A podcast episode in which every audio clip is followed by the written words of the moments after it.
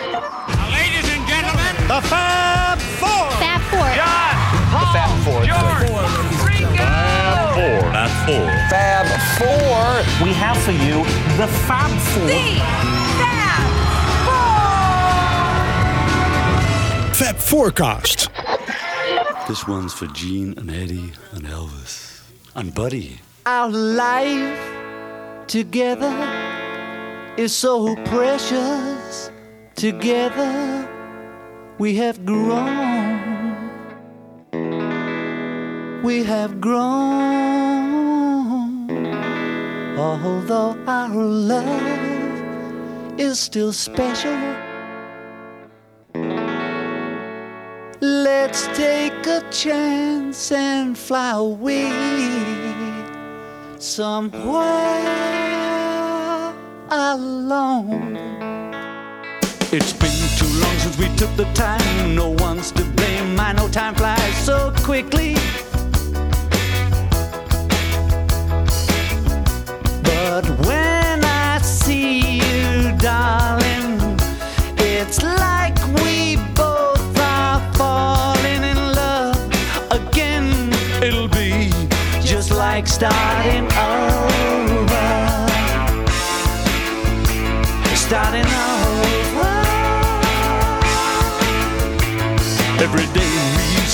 it love. Why can't we be making love nice and easy? It's time to spread our wings and fly. Don't let another day go by, my love. It'll be just like starting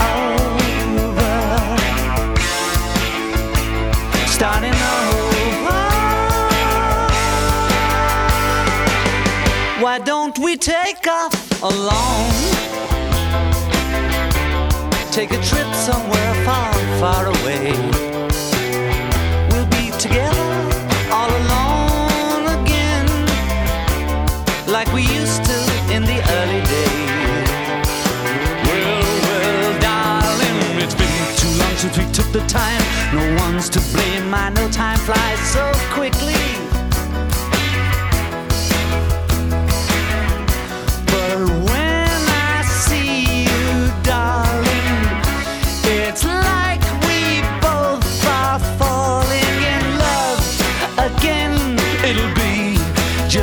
Starting over. Starting over. Look out.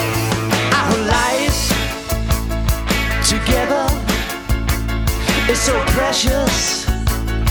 Together we have grown. Mm, we have grown.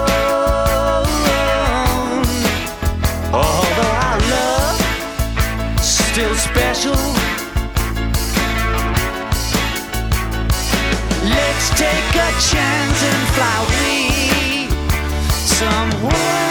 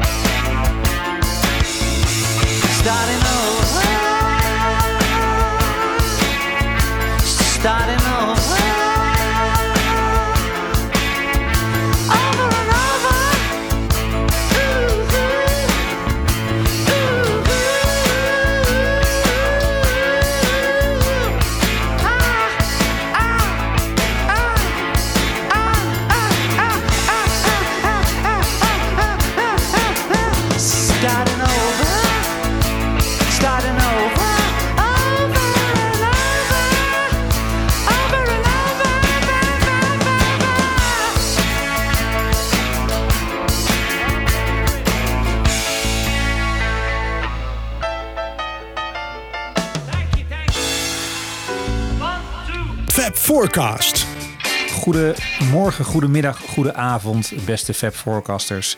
En welkom bij weer een nieuwe show van Fab Forecast. We zijn voor de gelegenheid neergestreken in Den Haag. Samen met Jan Kees. en Wibo. En mijn naam is eh, Michiel. En we hebben aan de lijn ook Anne? Anne Hurenkamp, welkom. Vanuit Deventer. Vanuit Deventer. Ja, om, uh, om eens een keer fijn te gaan hebben over het album Double Fantasy. Dat uitkwam op 17 november 1980. Dat is dus uh, ja, deze week precies 40 jaar geleden. En uh, we zijn flink in Lennon gedoken de afgelopen tijd vanwege ons eigen aparte mooie project, namelijk de Lennon podcast die we maken voor Radio 5. Radio 5, zeker. Ja. De laatste dagen van John Lennon. Ja, daar zijn we druk mee bezig. En toen dachten we van ja, laten we gewoon uh, ook even een special maken over Double Fantasy. Want het komt uiteraard ter sprake in de podcast die we voor Radio 5 maken. Maar hier kunnen we misschien uh, nog wat dieper op ingaan. Ja, ja uh, wat, wat vinden we eigenlijk van de plaat? Om maar even te beginnen, Michiel. Ik ben wel enthousiast over deze plaat. Met name over de nummers van John. Van Joko? nee, oh. nee, ik, waar ik heel veel van hou is van de sound van deze plaat. Ik, ik, okay. ik hou wel van een echt een mooie geproduceerde Lennon. En, en ik hou natuurlijk ook van de hele kale Lennon van, van tien jaar eerder. Van, van de Plastic Ono Band plaat. Maar Lennon met zo'n met zo'n band met alleen maar van die gelikte, enorme profi uh, studiomuzikanten ja, ik vind het wel heel fijn dat we deze plaat hebben. Ik vind eigenlijk al, alle nummers van hem op deze plaat helemaal top. Het is, het is een plaat die ik, uh, die ik vaak draai. Ja, dus die stripped-down versie die uh, tien jaar geleden uitkwam, dat heb ik minder, minder, mee. Heb ik ja. wat minder mee, ja. Dus Als je houdt wel echt van die geproduceerde, gelikte sound. Ja, als je, als ja. je bijvoorbeeld uh, starting over hebt en je hebt het begin mooi, meteen dat koor wat erin komt. En dat, dat mis ik dan wel meteen. Ja. En ik vraag me ook af, Lennon hield niet zo van zijn stem, zei hij altijd. Wat zou je zelf van zo'n strip down hebben gevonden? Ja, want zijn vocals zijn natuurlijk normaal gesproken op de plaat gedouble-tracked. Bijna allemaal. Ja. Of in ieder geval zit er een effect overheen. En hier is het allemaal gewoon enkel ja. sporig. Ik vind het ook wel fijn dat we strip down ja. hebben. Want er zitten weer allerlei leuke kleine dingetjes in. Om ze weer mooi nas kan je ze mooi met elkaar vergelijken. Ja. En jij, Bio? Ja, uh, ik kwam er voor het eerst mee in aanraking via de John Lennon Collection. Dat is zo'n best-of plaat waar volgens mij kant 2 eigenlijk alleen maar uit nummers van uh, Double Fantasy bestaat. Behalve Clean-Up Time kan ik me herinneren. En ik vond het toen ook echt wel hele mooie nummers. in de loop der jaren ben ik die geliktheid wel ietsje minder gaan waarderen. Ik vond hem echt wel... Ben ik toch wat meer van die strip-down versie gaan houden. Hoewel ik die ook al jaren niet heb opgezet. Maar ja, ik vind het wel echt kwaliteit uh, uh, Lennon-nummers. Ik hou wel van de nummers van Lennon. En die van Joko heb ik eerlijk gezegd... Nou, misschien een keertje op de achtergrond gehad, maar ik kan ze niet uh, voor de geest halen. Alleen Kiss Kiss misschien. Ja. Mm. Ja, Kees, je hebt hem gekocht toen die net uitkwam. Ja, en hij viel tegen en ik vind hem nog steeds tegenvallen. Oh, ja? ja? Ja, Ik vind het niet bij Lennon passen, uh, zo gelikt. Ik bedoel, Lennon was niet iemand die veel van, van geproduceerde pladen hield en zo. Die, ik vind Lennon op zijn best bij de Plastic Ono Band. Ja. Dus, dus de rauwe Lennon die uitdrukking geeft aan uh, hoe hij zich op dat moment voelt. En minder uh, geproduceerd. Al deze jongens die hier meespelen, die spelen perfect. En eigenlijk is dat ook een zwakte, vind ik. Het, het is te mooi. Het is te, te, te, ja. te smoothie. Uh, ze bereiken je niet, niet echt in het hart. En dat doet bijvoorbeeld de Plastic Ono Band wel. Oracle spoken. We cast the perfect spell.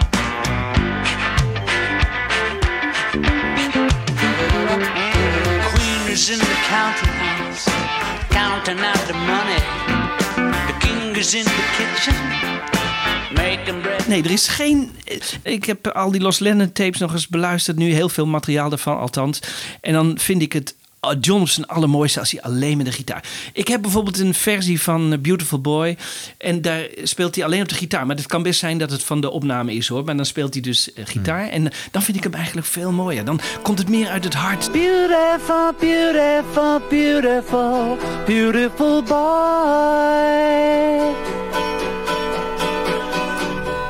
Out on the ocean. Sailing away. Can hardly wait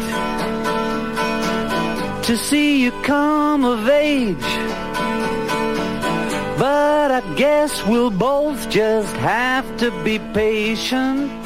Ja, ik heb zelden dat ik dus echt... eh, Maar ook Watching the Wheels, Jan Kees, kan ik toch niet geloven. En, Nee, en ik- Watching ik- the Wheels helemaal kaal gestript, dat weet ik niet hoe dat zou moeten klinken. Ik bedoel, dat, dat, dat, ik kan het alleen maar, Ja. kan alleen maar verteren in deze versie. Ja, ja, ja.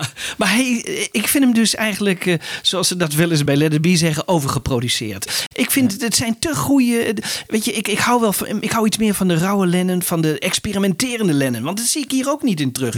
Ik mis hier ook bijvoorbeeld af en toe even een rustig nummer. Dat hij alleen op de piano speelt of dat hij alleen op de gitaar speelt. Ja, maar Hè? dat is natuurlijk ook het concept. Hè? De- Tenminste, de helft van het nummers van de album gaan allemaal naar Yoko toe. Ja, dat is dus dat zou je, dat is zou misschien wat meer van die ademruimte hebben gehad Ja, zo'n d- plaat. ja, dat als- is waar. Dan, dan zou, de balans, zou de balans wat beter zijn Ja, geweest. ja. Maar dan nog. eh, Maar ja. je zei ook van je vindt hem niet echt bij Lennon passen. Nee, omdat Lennon, weet je, die, die hield helemaal niet van... eh, Nee, maar er eh, zijn natuurlijk vijf jaar van niks doen aan vooraf gegaan. Waarin Ja. hij eh, gewoon Nou, thuis leefde. En hij, is, hij heeft altijd over zijn leven gezongen. En in Ja. welke fase van zijn leven die zat, dat hoor je in zijn muziek. Ja. En dat hoor je hier natuurlijk ook. Dit was Lennon Maar in wie wil- 1980. Wiebo, ik weet nog hè, dat ik in 80 hè, hem kocht en dacht, nou nu hebben we vijf jaar niks van hem gehoord. In vijf jaar kun je natuurlijk de aller, allermooiste nummers componeren. En die kunnen geweldig, dat moet, moet echt iets heel bijzonders zijn. Ja. En toen viel het ontzettend tegen, weet je, want dat, dat, dat was het niet. Maar dat, dat wil niet zeggen dat het minder is, maar ik had echt iets verwacht van een, een, een Plastic Ono Band nummer 2 of zo.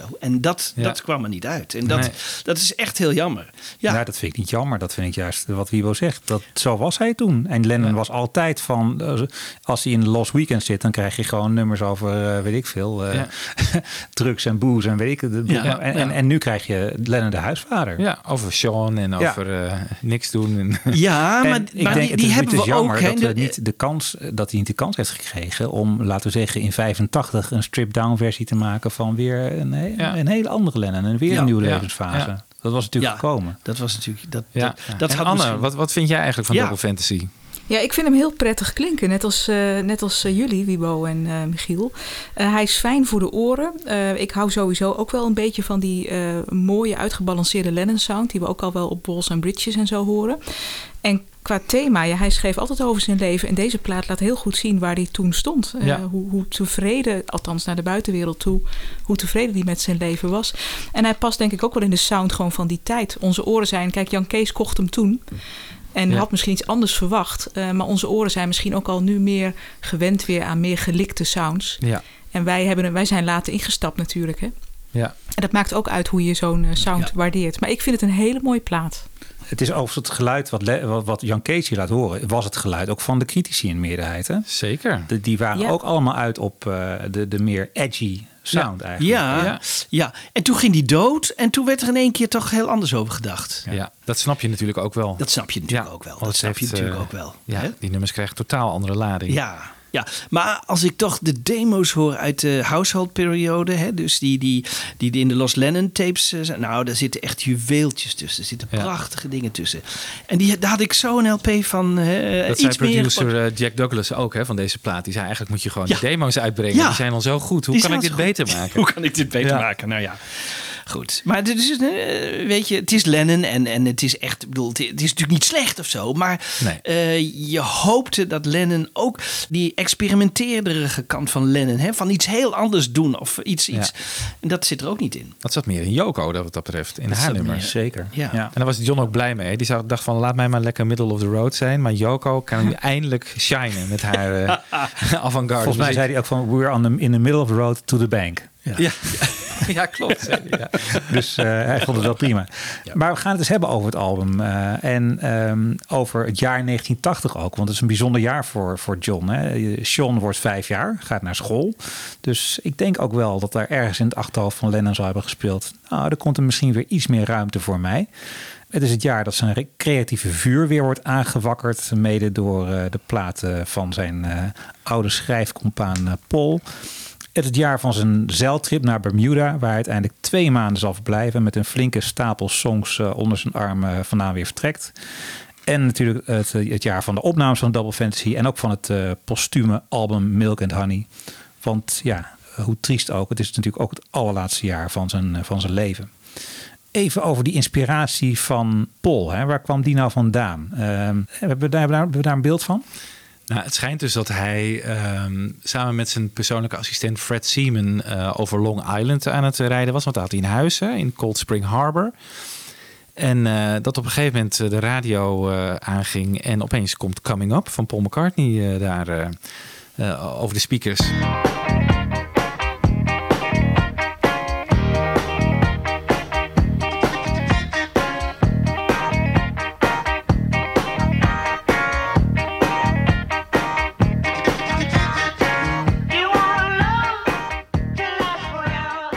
Later werd Coming Up natuurlijk uh, als live versie in Amerika uitgebracht en werd daar nummer 1. Dus de Amerikanen kennen eigenlijk alleen die live versie. Maar John hoorde dus de, de studio versie, uh, zoals die op de McCartney 2 staat. En die zei echt van, fuck a pig. It's Paul, not bad. Dus hij was echt heel erg onder de indruk. hij Paul... kreeg het niet uit zijn hoofd. Nee, hij kreeg het niet uit zijn Nee, het zat dagenlang in zijn hoofd, dat klopt. En hij had eindelijk het, of eigenlijk het idee dat Paul eindelijk na al die, ja, misschien toch wel middle of the road uh, wings pop, eindelijk weer eens een keer uh, het experiment opzocht en met een nieuwe sound kwam. En daar was hij uh, heel erg van onder de indruk. En dat, ja, als we de verhalen mogen geloven, is, heeft dat hem aangespoord ja. om zelf ook weer een beetje uit die creatieve winterslaap te komen. Ja. Misschien komt die oude wedijver met Paul natuurlijk ook alweer bovendrijven. Hè? Dat, uh, die concurrentiestrijd die ze in de Beatles ook hadden. Strawberry ja. Fields en dan de Paul die Penny Lane doet. En ja, dat was hier ook. John wilde antwoorden. Ja. Dus dat is wel, uh, wel mooi dat Paul dat uh, heeft bewerkstelligd. Ja, hij had misschien En wat mooi dat het ook op zo'n toevallig moment gebeurt. Hè? Dat je gewoon aan de radioknop draait en aan de andere kant van de Atlantische Oceaan... ja. Nou ja, je oude maatje weer hoort. ja. ja. Betekent ook dat hij die LP dus niet kocht? Nou, hij bestelde wel via Fred Seaman ja. veel materiaal van eigenlijk allerlei artiesten. Hij wist echt precies, hij wist de laatste Springsteen, The River. Hij wist uh, Billy Joel, Glass Houses. Um, ja. Hij wist wel wat courant was. Hij was echt een zeer scherp oor voor wat er werd gedraaid.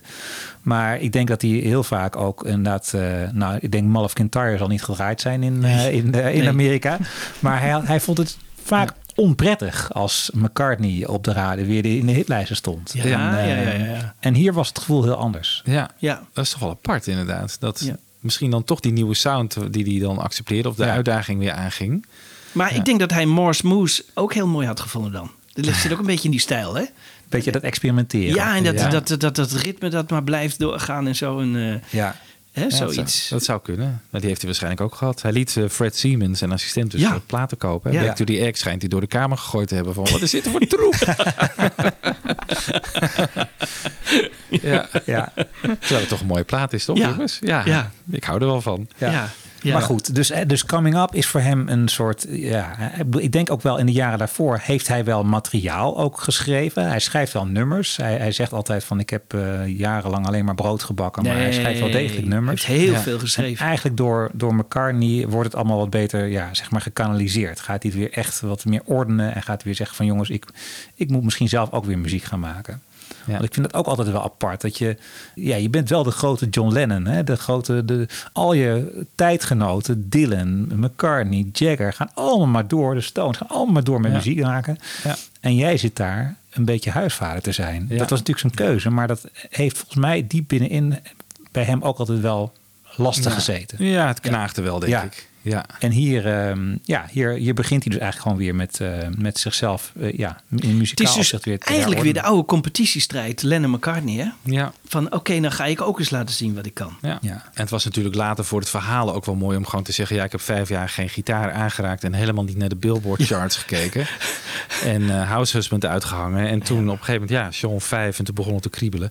Die, die vijf jaar waren volgens mij, als je bepaalde boeken moet geloven... en verhalen helemaal niet zo rooskleurig als hij uh, beschrijft in zijn nee. interviews. Nee, maar ook niet zo artistiek uh, stilstaand. Nee, nee, nee. zeker niet. Als we de Lost Lennon tapes horen, dan horen nee, we daar heel veel. Free as a Bird is bijvoorbeeld ook in die ja. tijd opgenomen, 1977. Ja, ja. ja. Demo, nee, dus echt, uh, hij componeerde niet, niet heel veel, maar wel af en toe en hele mooie dingen. Ja. Echt mooie dingen. Maar goed, Coming Up komt uit in april.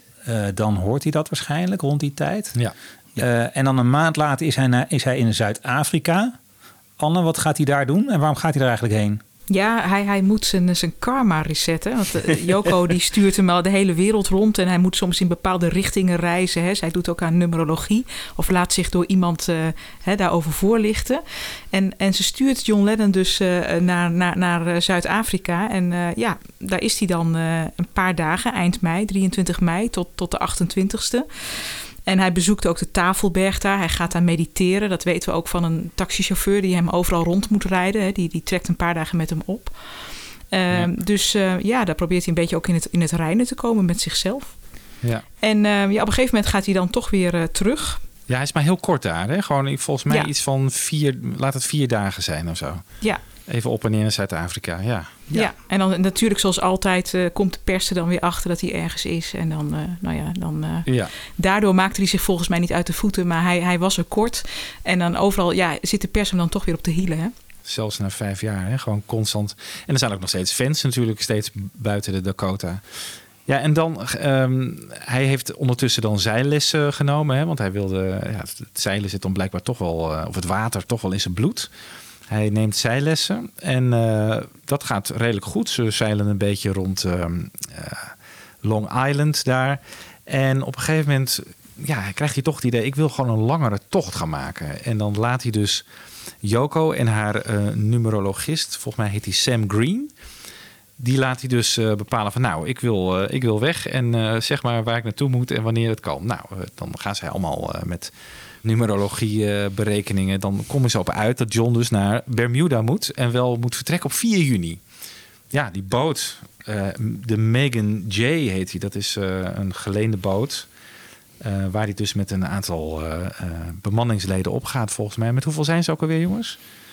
Een man of vijf volgens mij aan boord. Ja. Zoiets, ja. Ja. Een kapitein en een, zijn zeilinstructeur gaat ook mee. En dan de neef en de nicht van die zeilinstructeur.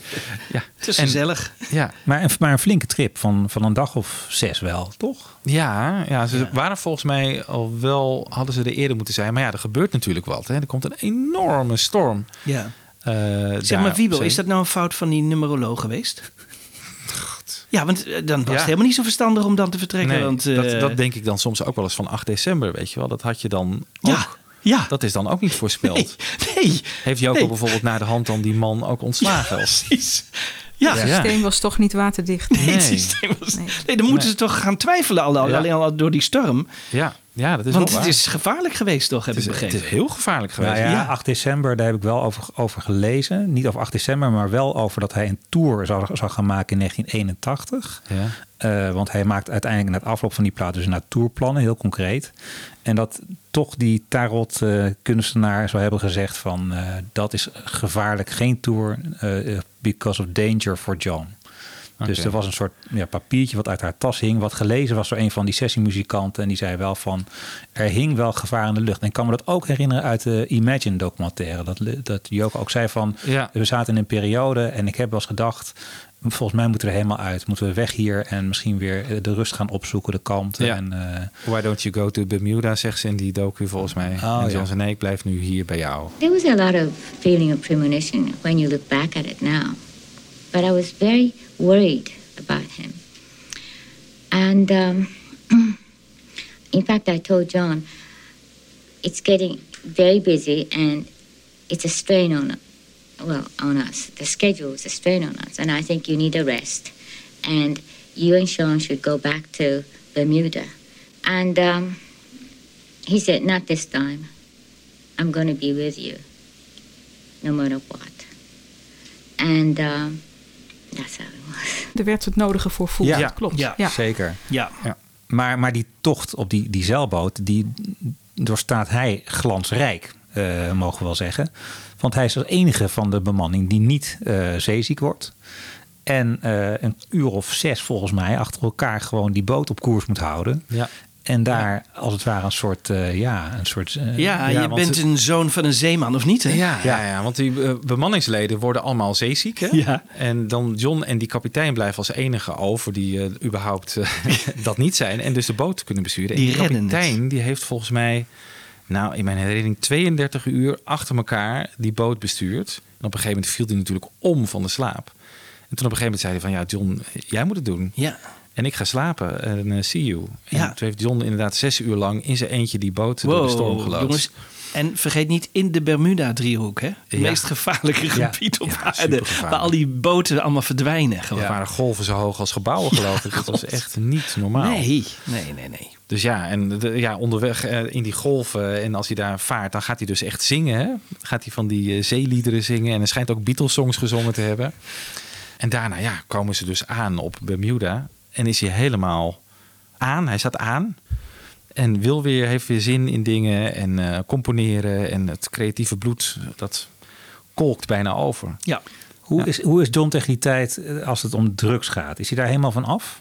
Nee, geloof ik niet. Volgens mij bloot hij nog wel. En af en toe ook nog wel een hashpijp. Is ook nog wel eens in de studio... eh, Ja, hij had ook wel- drugs bij zich hè, op, de, op de boot. Hij had ook, eh, er was Ja? ook eh Oh, ja. eh, softdrugs mee. Ja. En, en, en die moesten ze ook veiligstellen. Want toen ze dus die haven inkwamen, toen eh, moesten ze daarvan af natuurlijk. eh, in verband met controles. Dus toen hebben ze die, die, die overtollige drugs die ze nog bij zich hadden... die hebben ze in een grols, echt een grols beugelflesje geduwd. En in het bijzonder? water eh, gegooid. eh, hopend dat iemand eh, dat zou vinden en een goede dag zou hebben. Ah, Nou, Maar er zat Nederland, wel een heel klein beetje Nederland in het verhaal. Ja. Ja, inderdaad. Al was die drugs in de studio, deed hij hem meestal. Dan vroeg hij aan Jack Douglas van... eh, zijn we klaar voor vanavond? En zei Jack ja. En dan kwam de Ja. hashpijp tevoorschijn. Oh ja. Dus hij doet het nooit tijdens zijn sessies. Want de bandleden moesten ook helemaal clean zijn, toch? Ja, ja. Hij komt dus aan op eh, Bermuda op 11 juni. Ehm, hij is daar dan alleen hè, met, zijn, met zijn bemanningsleden. Eh Joko is er niet. Eh, Nee. Zijn zoon Sean is er niet. Zijn assistent Fred Seaman is er niet. Eh, die worden wel ingevlogen een paar dagen later. Hè. Fred Seaman eh, op, de- op 13 juni komt hij met, eh, met Sean aan. Joko komt eind juni even op bezoek.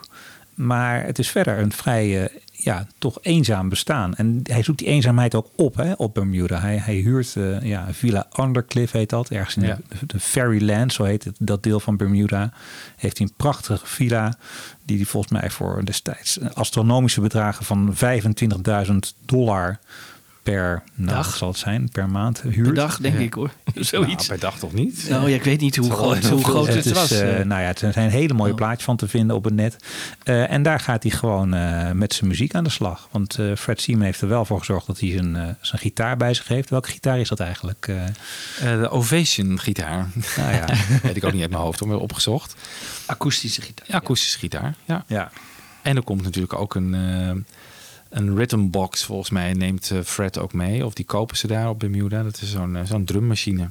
Daar gaat hij eh, demo's mee opnemen. Ja. En hij laat Fred trouwens wel een Sony cassette recorder eh, kopen. Michiel, jij hebt het type ook nog opgezocht. Twee, hij heeft er twee gekocht. Een Sony, ja, eh, Sony de Zilbab heet dat.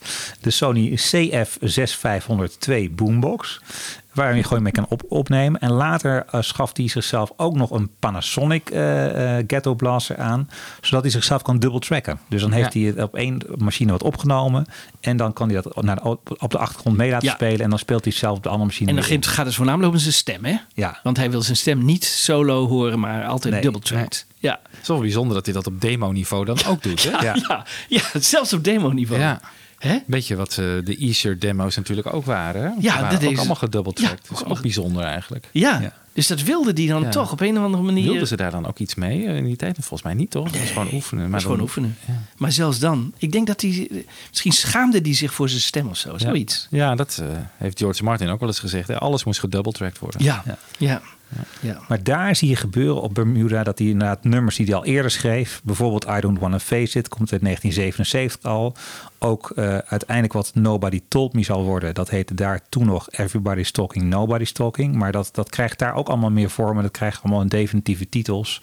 En ja, hij is heel duidelijk gewoon gefocust op ja, mogelijk misschien weer een nieuwe plaat maken. Maar die plaat moet eerst een titel krijgen. En die titel die krijgt hij als hij wandelt door de botanische tuinen van, eh, van eh, Bermuda. Dat is een, eh, een hele bijzondere bloem, hè? Een, een Fresia Double Fantasy ziet hij daar bloeien. En, en op het bordje, en toen denkt hij in één keer Double Fantasy. Dat is een geweldige titel eigenlijk voor mijn LP, is het dan natuurlijk nog. Ja, Heel goede ja, naam, Ja. ja. want hij, hij wil Joko ook betrekken hè, in die LP. Dus dat, dat idee heeft hij dan al, hè, denk ik, of niet? Nou, dat nou, weet ik dat niet. weet ik ook niet. Nee. Ik heb ook wel gelezen dat het Joko tegen misschien Jack heeft gezegd van ja, ik, eh, John is weer aan de slag, maar ik ook. En, maar John weet nog niet dat, eh, dat mijn nummers ook op de plaat gaan komen. Nee. Zij is natuurlijk de baas, hè? Ja, Ja, Ja. zij is mother, hè? Zij is mother. Ja, Ja. zo noemde hij altijd, hè? Mother. Ja, Ja, nee. maar in, in, in hoeverre heeft zij nou invloed gehad op die... Kijk, op de muziek denk ik minder, hè? Op de Johnson nummers dan, hè? Want da- daar liet hij haar niet echt... eh dan moest ze vaak stil niet. zijn en dan werd ze echt af en toe in de Andersom hoek. volgens mij ook niet hoor. Nee, ik denk meer dat het zat in eh, bijvoorbeeld, ehm, zij schrijft Let Me Count the Ways. Hè, en dat zingen ze, volgens mij zingt zij voor hem door de telefoon. En dan raakt hij geïnspireerd om Grow Old With Me te gaan schrijven. Dus Ja. zo, is, zo is er volgens mij soort eh, van... eh, inspiratie wederzijds. Ja, ja. Maar heeft zij bijvoorbeeld eh, eh, invloed later op, op, op hoeveel nummers van haar erop komen? En Ja, volgens mij is dat gewoon eh, gesplit. Had zij niet ook echt een ongelofelijke hoeveelheid eh, Veertien. eh, liggen? En zei ze dat later ook niet tegen Jack Doug- Douglas? Dat ze zelf eh, Ook- gigantisch ook- veel had? Ja, Ja. Dus er staan 14 nummers op, eh, op Double Fantasy. En eh, ja, het is volgens mij eh, 50-50. 50-50. ja. Ja, volgens mij ook. Dat is volgens mij niet meteen aan het begin al het uitgangspunt. En misschien dat daar ook weer een andere belangrijke gebeurtenis op eh, Bermuda bij meespeelt. Namelijk dat John een disco bezoekt. Eh, Anna, vertel even. Ja, hij gaat daar natuurlijk ook een beetje eh, uit hè, in het uitgaansleven met Fred Seaman. En hij stapt dan een disco binnen. En ehm, daar hoort hij, en volgens mij is dat in de benedenruimte van de disco, hoort hij een nummer van de B-52's, eh, Rock Lobster. Daar hoort hij het publiek uit hun dak gaan. En als hij dat hoort, dan eh, ja, krijgt hij een soort triomfantelijke glimlach op zijn gezicht. Want dan zegt hij ook tegen de mensen die met hem mee zijn: dit, dit, is, dit is Joko. Deze mensen hebben naar Joko geluisterd. Dit deed Joko al veel eerder. En dan krijgt hij het idee dat, ehm, dat waarin Joko zo vooruit liep, dat de wereld daar blijkbaar dus nu klaar voor is. Dat, dat als mensen nu zo gigantisch uit hun dak gaan op deze muziek, dan, eh, ja. dan is er eigenlijk een voedingsbodem nu ook voor Joko's. Laten we even een fragmentje van Rock Lobster eh, luisteren. Want dan hoor je echt duidelijk waar de invloed van Joko zit. Het is gewoon bijna één op één.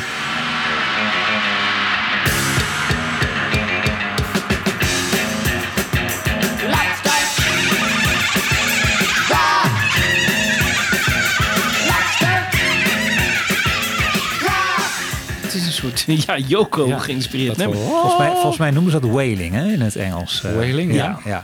Maar betekent dat dan dat Lennon op dat moment Joko eigenlijk op zijn LP wil hebben? Dus dat hij... Ja, they're ready for you now. Dat Ja. zegt hij toch. Get the X out, Of denkt hij aan een aparte LP voor Joko? eh? Dat Hoe moeten we dat ja, zien? dat weet ik echt niet. Ik denk dat Joko al het plan had om gewoon eh, met z'n tweeën een plaat te maken. Dat John dat nog niet wist. Ja. Het komt natuurlijk mooi Ja, samen. Want John heeft dat misschien nog niet zo in zijn hoofd. Maar hij hoort nu wel van... hey, die B-52's ehm, eh, die spelen dit. En kennelijk is de wereld hier klaar voor. Voor deze sound. Joko wil toch al met z'n tweeën iets gaan maken. En zo komt het een beetje samen. En ze denkt van, Ja, nou, laat denk het ook. zo... Een beetje organisch eigenlijk. eh.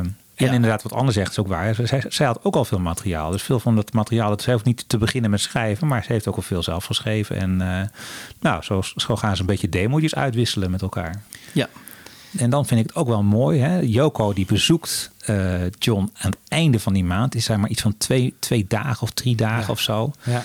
En dat, dat- het begin loopt een beetje eh, verkeerd. Namelijk, eh, ook wel grappig op te lezen, dat, eh, dat Joko landt op het vliegveld. En John zit nog met, met Fred ergens in een bar aan het bier. Ja. En dan opeens zijn ze de tijd vergeten. En ze halen Joko dus niet van het vliegveld. En dan eh, schrikken ze zich een hoedje. Ze vliegen naar het vliegveld. Eh, ik weet niet of ze daar nog is. Maar gewoon het hele beeld van Joko die daar eh, dwaalt over zo'n verlaten vliegveld. Op zoek naar John. John! Eh, ja. Joko! Joko, ja. In the middle of the... Zeg, Het klinkt een beetje flauw, maar is dit nou ook weer een fout van die numeroloog geweest? Nee, je hoeft niet alles aan een numeroloog te krijgen. Ja, want je moet toch weten van, ja, als je nu gaat, dan mis je John en dan loopt het helemaal mis en dan, ga, gaat, dan wilden ze misschien wel scheiden. Ik heb het idee dat John ook niet zoveel met die numeroloog had. Dat was vooral echt iets van Joko. Ja, dat Ja? denk ik ook. Ja. Ja. Anyway. Joko is daar dus op, eh, die, die, die land daar. Eh, dat gaat niet helemaal goed. En dan zegt eh, John notabene tegen zijn assistent Fred Seaman... zegt hij van nou, weet je, ga jij nou maar het boetekleed aantrekken... Eh, en eh, dan, flauw, dan zal zij jou waarschijnlijk willen ontslaan. Maar ik praat het wel weer goed. Ja. maar hij wilde niet- zeker niet zelf het boetekleed aantrekken, want het, eh, daar had hij geen zin in. Nee. Dus ehm, Joko is maar een paar dagen daar. En uiteindelijk, om het allemaal goed te maken. ehm, eh, en volgens mij is het, die hele trip van Joko naar Bermuda verloopt een beetje gespannen. Ja. Om het allemaal goed te maken, maakt hij aan het eind van het weekend een, eh, een, een demo met wat hij op dat moment aan materiaal heeft. Ook een doosje met cederhout met een lok van zijn haar erin. Die bezorgt Fred Seaman, dus dat doosje samen met die tape, die demo-tapes in New York. En dat is eigenlijk het begin echt van, van het album. Want met die tape gaat Yoko naar Jack Douglas. Klopt, ja. Ja. En dat het korte bezoek van Yoko, dat schijnt ook te maken te hebben dat Yoko aan het begin van 1980 weer een uh, heroïneverslaving uh, heeft ontwikkeld. Oh, dat is interessant. En dat wil ze dus niet dat John dat weet. John heeft dat ook nooit geweten. En vandaar dat ze hem dus ook wel steeds wegstuurt en zo. Ja. En op een gegeven moment ook heeft aangegeven dat ze een uh, erge vorm van griep te pakken had. En dat John ja. nog niet terug kon komen. Want dat, ja, dat was gewoon besmettelijk. Maar Wiebo, waarom... De Russian flu had ze. De, Russian, flu, oh, ja. ja. ja. goed, ja. Waarom is John bang haar te verliezen? Ja, het is natuurlijk als een anker in zijn Jawel, leven. maar er is dus iets. Ik bedoel, het is niet zo van, oh, straks ben ik weer bij je en dan is alles weer goed. Nee, hij is bang haar te verliezen. Ja. Zou dat te maken met die, met die heroïne? Of, of, of heeft dat met dit, dit feit te maken dat ze elkaar mis hebben gelopen? Want dat, dat één keer zo mislopen kan je natuurlijk niet... Uh... Nee, hij probeert haar na dat weekend te bellen. Uh, en hij krijgt het steeds niet te pakken. En volgens mij heeft hij later het excuus. Ja, zij is constant met business bezig, met zaken, weet je wel. En ze is gewoon steeds bezet. Daarom uh, kwam hij er niet door.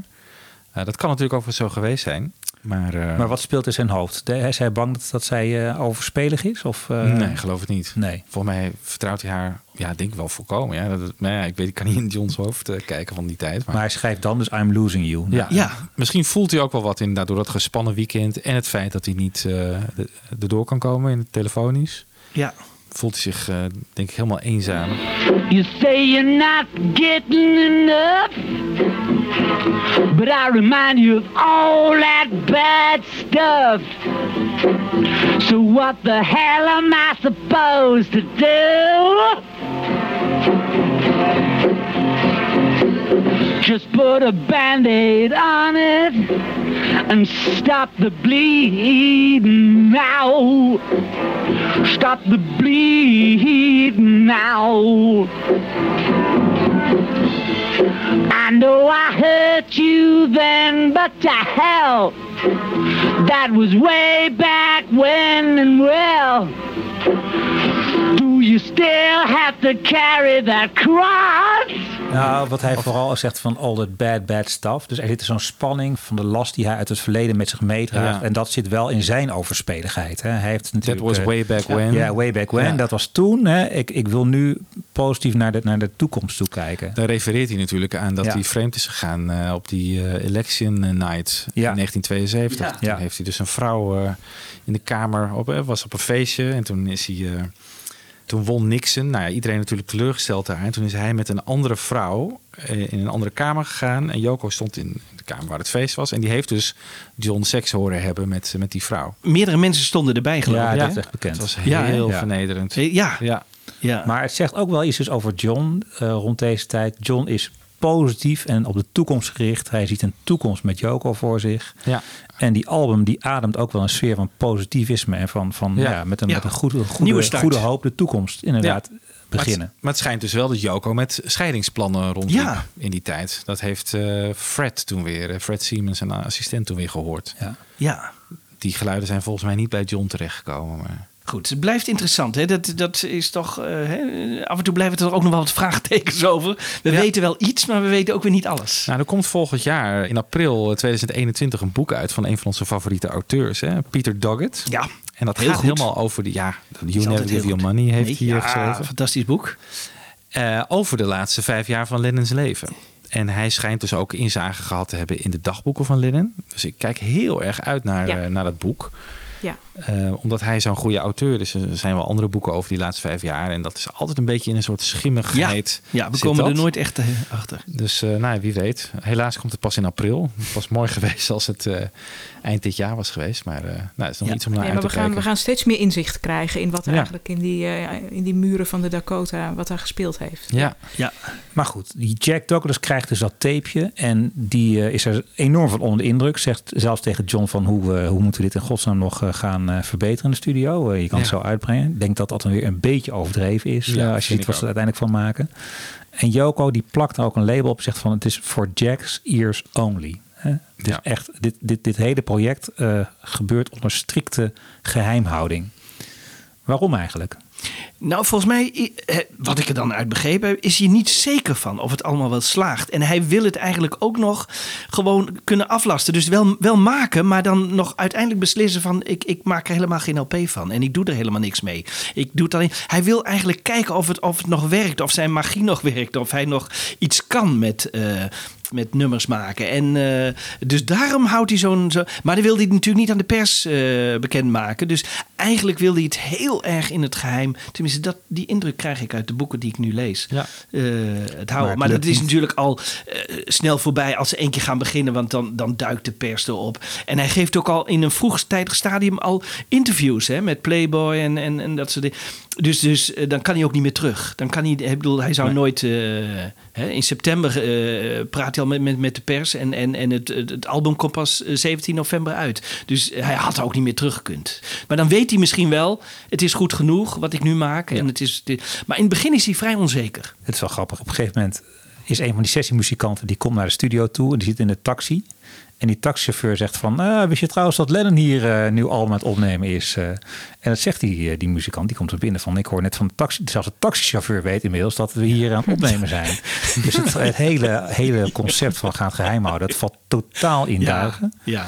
In september nee, komt op een gegeven moment Cheap Trick. Gaan, eh, die gaan we het zo meteen nog over hebben.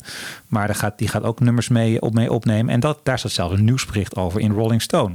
Ja. Eh, en daar was Lennon echt not amused over. Dat inderdaad de pers allemaal dit soort dingen oppikt. eh, en, en daarover gaat publiceren. Want inderdaad, dan komt er een verwachtingspatroon. Oh, Cheap Trick en Lennon. Ja. Nou, dan gaat al die pers zeggen van... als er uiteindelijk niks van uitkomt... van hé, hey, wat, wat is er dan gebeurd? En eh, dus Ja. het, er speelde ook nog wel onzekerheid bij Lennon. Van Ja. gaat het project wel slagen? Maar je kunt ook bijna niet zo'n project geheim houden. Hè? Zeker niet als je midden in New York zit. Nee, joh. met bekende hei, sessiemuzikanten. ergens in de studio gaan Ja, precies. Ja. Ja. Ja. dat had hij dan moeten doen. Nee, dus dat was eigenlijk onmogelijk. En Jack Douglas. Waar, waarom de keuze voor Jack Douglas, eh, Anne? Ja, die, hij- ze kenden hem al, hè, de Lennons. Eh, volgens mij is Jack eh, Douglas ook eh, betrokken geweest bij het Imagine-album. Dat Ja. ligt dan natuurlijk dan alweer bijna tien jaar achter hen. Was hij daar ook niet de technicus bij? Hij Tweede, daar- tweede technicus. Tweede, Tweede engineer. technicus. Dus ja. hij, had niet, hij had niet een hele grote rol, maar blijkbaar eh, was hij toch goed bevallen. Of als persoon vonden ze hem een prettig mens. Dus Ja. hij, ehm, ik, ik denk dat de Lennons ook niet zomaar iedereen vertrouwde en bij zich wilden hebben. Maar Jack Douglas stond op de groene lijst, zeg maar. Numerologisch gecheckt waarschijnlijk door Joko. Dat was Ja, denk ik ja. ook het geval. Ja. Ja. Ja. Ja.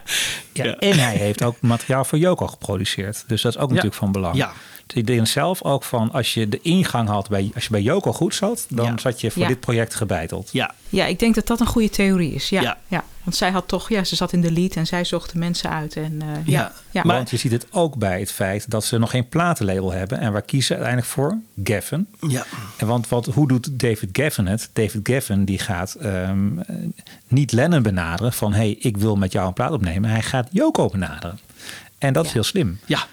Want op die manier vind je de goede ingang. En als, als Joko zich serieus genomen voelt en weet... oh, dit zijn niet de mensen die alleen maar op, eh, op Ja. de coattails van Lennon gaan meeliften...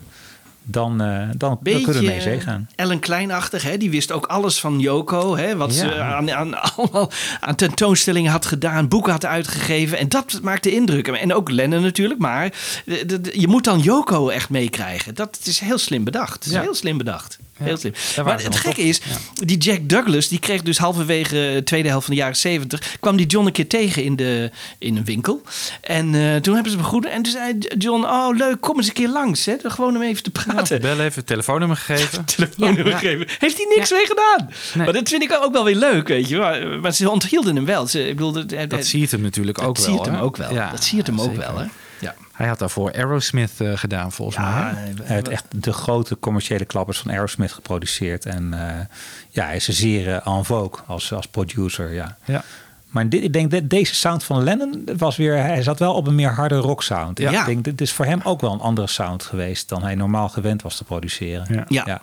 En, ik bit- denk niet dat het een type was die John echt tegensprak. Maar dat kan ik me in vergissen hoor. Maar die heeft John af en toe wel nodig. Gewoon iemand die zegt van... Nee, John, dit nummer is echt te... te, te- nee, dit is niet goed genoeg. Of Ja. weet ik wat. Hè. Maar was er aanleiding voor?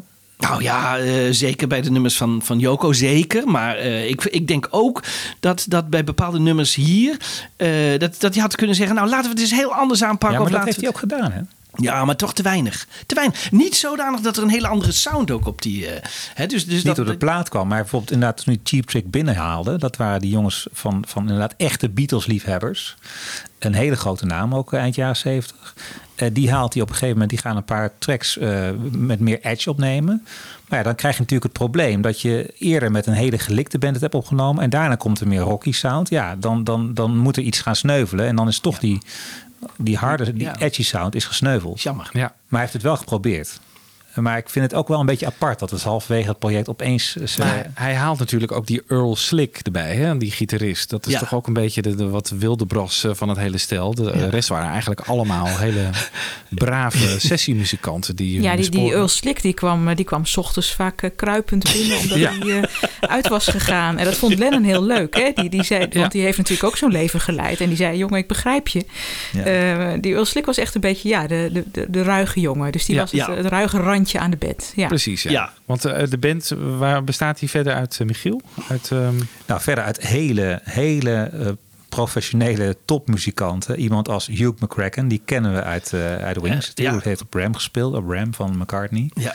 Maar speelt, speelt op Steely Dan platen. Weet je. Op Gaucho, eh, Hey 19 is zijn, zijn gitaarsolo het hele nummer door. Dat zijn echt de absolute crème de la crème Ja, van, eh, van, van de New Yorkse sessiemuzikanten. ja. Ehm, dus Hugh McCracken, Earl Slick hebben we al genoemd. Tony Levin op bas. Dat is ook echt een eh, gigant. Eh, later veel met Peter Gabriel gewerkt. George Small op toetsen. Andy Newmark op drums. Oh ja. Ja. En, die, en die Newmark had nog met George Harrison eh, gespeeld. Ja, ja, in 74. in 74. Dark Horse Tour. Ja, ja, ja. ja. en met Carly Simon. En, Ja, dus het is gewoon een eh, hele... Dus zijn, zijn muzikanten die ook elkaar heel snel aanvoelen. En, eh, maar tegen wie Lennon ook vaak zegt... En dat vind ik ook graag grappig om te horen van... Niet te druk. Speel eh, eh, tegen die drummer zegt hij bijvoorbeeld... Speel maar op zo'n Ringo's. Ja. Ja, ja. Dat las ik. Ja, las ik ja. ook, ja. Dat is toch fantastisch. Ja. ja. En het is ook wel grappig. En dan beginnen die repetities. En eh, die band gaat eerst oefenen. hè. En weten op dat moment niet voor wie ze aan het oefenen zijn. Is het verhaal, hè? Ja, En maar dat kan niet. mij Ja, echt- ja, ja, ja, ja. Want, want in het boek staat al dat, dat, dat, dat sommige hè, de gitaristen die waren. Welk boek, Jan Kees? Eh, oh, dat is de Starting Over. The Making of John Lennon and Yoko Ono's Double Fantasy van Ken Sharp. Hè? En die interviewt dus alle mensen, die, hè, dus al die mensen die, die eh, Michiel net opnoemde.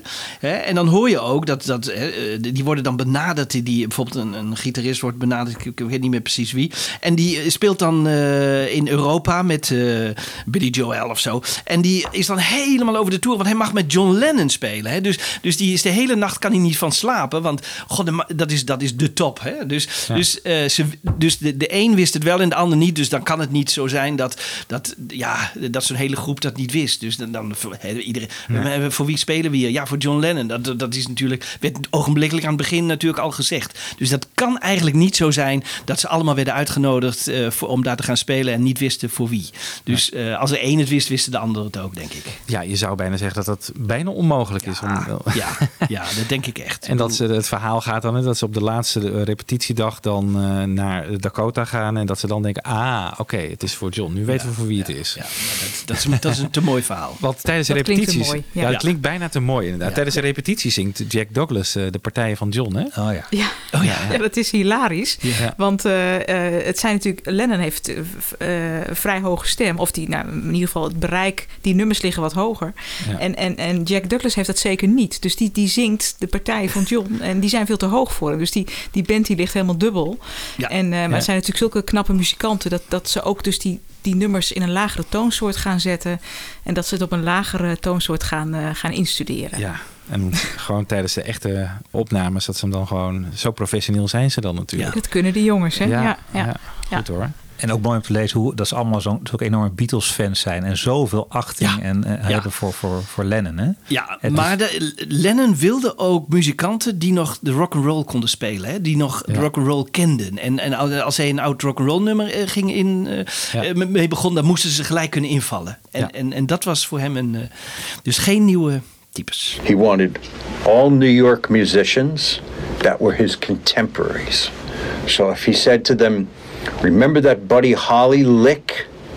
He expected them to know exactly what it was. Ja, en waarom deze muzici? Dat is ook wel grappig, hè? Ehm, Jack Douglas die vertelt er ook even wat over. They were afraid of drugs and alcohol. They wanted everyone on the session to be clean.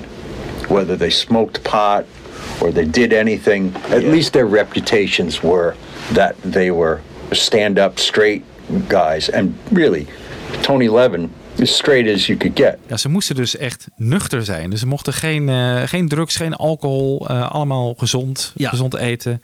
En deze mannen die, uh, die Behalve dus die gitarist die later dan erbij kwam. Die mocht... Earl Slick, ja, Earl die mocht dan hè, nog die wel mocht- af en toe zetten. Ja, maar dat is ook een beetje de, de, de ruige jongen, zoals Anne net zei. Hè? Dus eh, dat kan. Nou ja, die opnames hè, die eh, starten volgens mij op 7 augustus 1980. Hit Factory. Dat is eh, een studio eh, op Manhattan. Volgens mij niet eens op de begane grond. Dus gewoon, Nee. je moet iets zes hoog of zo met de lift. Ja. En dan kom je daar in de studio. Was ook helemaal niet zo groot. Allemaal hout. Van, dat, van die Zweedse, Zweedse hout aan de muur. Ja, Norwegian Wood, ja. Ja, Ja, Norwegian Norwegian. Wood. Nou, laat het Noors zijn. Voor het verhaal is dat wel mooi. hè. Ja. Ja. Wat niet in het grotere record plant. Dat is, eh, een, daar hebben ze uiteindelijk wel veel gemixt. Maar dat was, Ja. dat was echt de grote eh, Ja. studio eh, daar, daar in dat deel van New York. Was misschien logischer geweest, maar daar liep ze ook veel meer in de, kijk, eh, in de kijkers eh, dan, eh, dan ze wilden. Dus Ja. ze kiezen bewust voor dat kleinere Hit Factory. Ja. Ja. Dat Ja. klopt. Was het John- niet zo dat Joko ook nog een oude rekening te vereffenen had met Record Plant? Dat ze zei van ik wil niet in de Record Plant. Dacht ik. Nou ja, dat is- zou wel gek zijn, want daarna nemen ze... Nou, ja, volgens mij heeft ze het wel gezegd in het Ja? begin van Ja. niet in record plant. Ja. En Ja. ja. er- ja, had, ze had ook een onmin met een van de producer daar, Richie Ja. Cola of Ja, zoiets. ja, ja, ja, precies. Ja, ja, ja, oké. dat was het ook. Ja, Ja. ja, ja, ja, je hebt Maar later gaan ze daar wel opnemen. Dat uh, Ja, Thin het. Ice gaan ze daar bijvoorbeeld wel opnemen. En het was ja, ze volgens- gaan op een gegeven moment heel, heel plotseling. Hè, gaan ze, gaan ze Ja. wel toch naar die record plan. En iedereen die daarbij betrokken is in het team begrijpt het ook niet. Er Nee. wordt ingepakt en eh, bij wijze van spreken de straat overgestoken. Ja. Ja. En Ja. eh, misschien heeft dat ook weer met de numerologie te maken. Dat- Dat zou zomaar kunnen. Dat is wel een fijne verklaring voor alles wat wij niet kunnen verklaren. ja. Alles wat we niet weten. Hè? Ja. Ja. ja. En, en het mag ook niet in Los Angeles. Hè? Dus het was Nee, ook een nee. alternatief geweest. Oh ja, mocht het ook niet. Nee, mocht het ook Want niet. dat is hetzelfde Nee. natuurlijk. De, Ja. Verleidingen te groot, denk Ja. ik, voor John. Ja, En Ja. de muzikanten daar zijn natuurlijk... eh, Gewoon een grote één groot party eh, daar. partyfeest. Het werd- ze zijn gewoon heel erg gefocust. Ja. Ja. En ze hadden natuurlijk... eh, Jack en John die begonnen de ochtend altijd eh, met een ontbijtje om negen uur in Ja. La Fortuna. Was dat een- Engels ontbijt? Ja, dat zei ze, maar dat kan me niet voorstellen. Dat is altijd vette worsten en zo. Dat zie ik John niet eten. Ja, want ik, ik lees in het boek dat ze regelmatig dus Engels gingen ontbijten eh, Ja. s ochtends eh, vroeg. En La Fortuna is gewoon zo'n cafeetje. Ik dacht vroeg toen ik dat ooit las. En, oh, dat zou wel een heel exclusief eh, restaurant zijn. Toen ik eh, jaren geleden in New York was, ben ik daar. Toen was het nog open. Het bestaat inmiddels niet Oh meer. ja? Ben ik daar naar binnen geweest. Ja? Oh, wat leuk. Ja, leuk, La ja. Fortuna. Dus je komt daar. Het is gewoon echt zo'n soort Italiaans restaurantje met een, met een patio aan de achterkant. Waar je gewoon lekker buiten kunt zitten. Oh, En dat ken je ook wel van die foto's. Je herkent dat ook als je die fotoserie Ja? ziet uit 1980. is het bij John in de buurt? Ja. Oh, Ja, het is eh, een paar straten eh, volgens mij eh, Ja, ja. Wat, wat, wat, wat zuidelijker op Manhattan.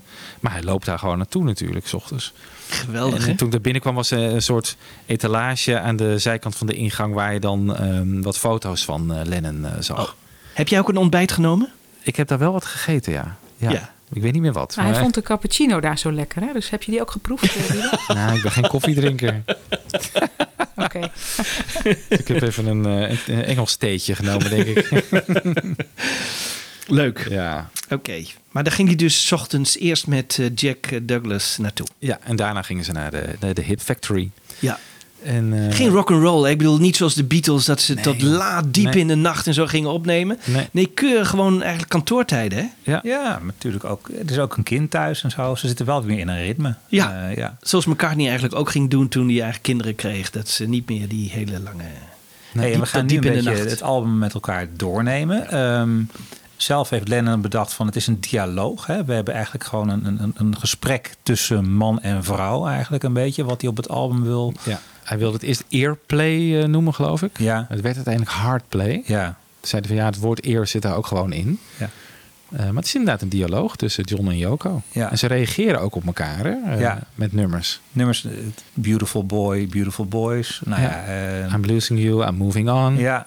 Dus zo is het, het album, album duidelijk bedoeld. Wat hebben we eigenlijk aan, aan bootleg materiaal van deze plaat? Want we gaan zo meteen die nummers langs. Gaan we af en toe even wat, wat spannend materiaal laten horen. Ja. Nou, dan moet eh, de archivaris even Nou ja, ik kan het niet zo uit mijn hoofd zeggen. Maar we, we hebben in ieder geval van, eigenlijk van de meeste wel de demo's. Hè, dus die hij ook heeft gemaakt op eh, Bermuda. Ja. Dus dat, dat materiaal. En we hebben ook wel eh, eh, eh, outtakes. Hè? Dus dat je ook, en dat is natuurlijk het allerleukste, dat je even John hoort voordat het nummer begint. En dat hij wat aanwijzingen geeft. Dat soort dingen. Hè? Dat ze nog even aan het, aan het oefenen zijn. Dus daar hebben we wel wat bijzonder. We hebben soms een outtake van, van hè? dus een eerdere take van het nummer. Maar hij nam niet heel veel takes op. Hè? De, sommige, bijvoorbeeld Starting Over heeft hij maar drie takes of zo van, van gemaakt. Dus dat is niet veel. John was natuurlijk altijd, bleef ongeduldig. Hij, het moest snel goed zijn. En dat kon ook met deze, met deze jongens, was het vrij snel heel goed. Hè? Die waren zo professioneel. Ik bedoel, die, die, die hadden die demo's gehoord, die wisten wat er van ze verwacht werd. Dus die, die, die, die konden heel snel daarop inspelen. En als John zei, speel een beetje meer als Ringo of, speel, of doe, doe die bas eh, iets anders, dan wisten ze gelijk wat hij bedoelde. En dus eh, wat dat betreft eh, is, is er niet, zijn er geen nummers totaal veranderd in de, in de studiotijd. Maar we hebben wel wat. en, en we hebben natuurlijk de uitgeklede versie. En tegenwoordig eh, kun je de stemmen loshalen. Je kunt eigenlijk alles loshalen. Dus je kunt er wel heel veel mee. Maar eh, er, is, er is wel voldoende materiaal. Dus we kunnen wel af en toe wat leuke dingen laten horen hier. Ja, en wat ook heel bijzonder was, hè, dat er dus een de hele tijd een tape meedraait. Ja. John weet dat zelf overigens niet. In het, dus begin, gewoon- in het begin niet. Nee, in het begin niet. Nee. Nee. Want eh, het idee is een beetje, volgens mij, eh Heel goed, op hè? een gegeven moment van, oh, wat zou het leuk zijn om eh, alle dialogen en hoe, eh, waar we het met elkaar over hebben, als we dat zouden opnemen. Ja. En Ja. dat plant een zaadje in het hoofd Ja. van Jack Douglas. En die denkt van, nou, ik zet gewoon ergens in een hoek, een beetje verdekt opgesteld, een bandrecorder neer. ehm, en met een microfoontje in de studio. Nee, het is gewoon een bandrecorder op, die, die naast de, de desk staat hoor. Die bij, eh, in de controlekamer staat. Oké. Ja. Ja. En, het, ja, en die draait Maar die draait heel langzaam. Op, op, drie centimeter per seconde of zo draait hij. Dus heel langzaam. Oké. Dan kun je dus een hele grote spoel. Daar kun je uren mee opnemen. Ja, ja, ja. Oké. Ja. En op een gegeven moment, eh, vra- hij vraagt op een gegeven moment wel even, wat doet Ja, dat ding daar? Ja. En dat willen ze wel niet vertellen, nee, geloof nee, ik. Hè? Nee, nee, want ze denken, ja, maar misschien eh, zegt hij wel, oh, jullie hebben dat gedaan zonder dat ik dat wist. En Ja. eh, ik wil dat helemaal niet. Dus dat, dat, dat er gelijk een ruzieachtige sfeer ontstond. Maar hij vindt het geweldig. En het is ook wel iets voor Lennon, hè? Want als Lennon in, in Amsterdam is, hè, in, in 69, dan heeft hij een cassette recorder op zijn, op zijn eh, bed liggen met Joko. En die neemt de hele dag alles op. Hè, dus el- elk uur wordt er die cassette. Dus hij, hij is wel van het registreren. Hij wil dat alles wordt opgenomen wat, Ja. wat er op dat moment speelt. En hij doet natuurlijk ontzettend interessante dingen in die studio. Hij speelt Beatle-nummers eh, op, op zijn gitaar. En hij laat horen hoe hij I Wanna Hold Your Hand eh, speelde op de gitaar. En hij laat die jongens genieten gewoon. En hij heeft hele mooie anekdotes uit de Beatle-tijd. Ja. Huey, look, you're old enough to get to the 50s. Get out of here. I don't go back to the 60s. I come from the 50s. My love don't buy me presents. Oh no, she don't buy me presents.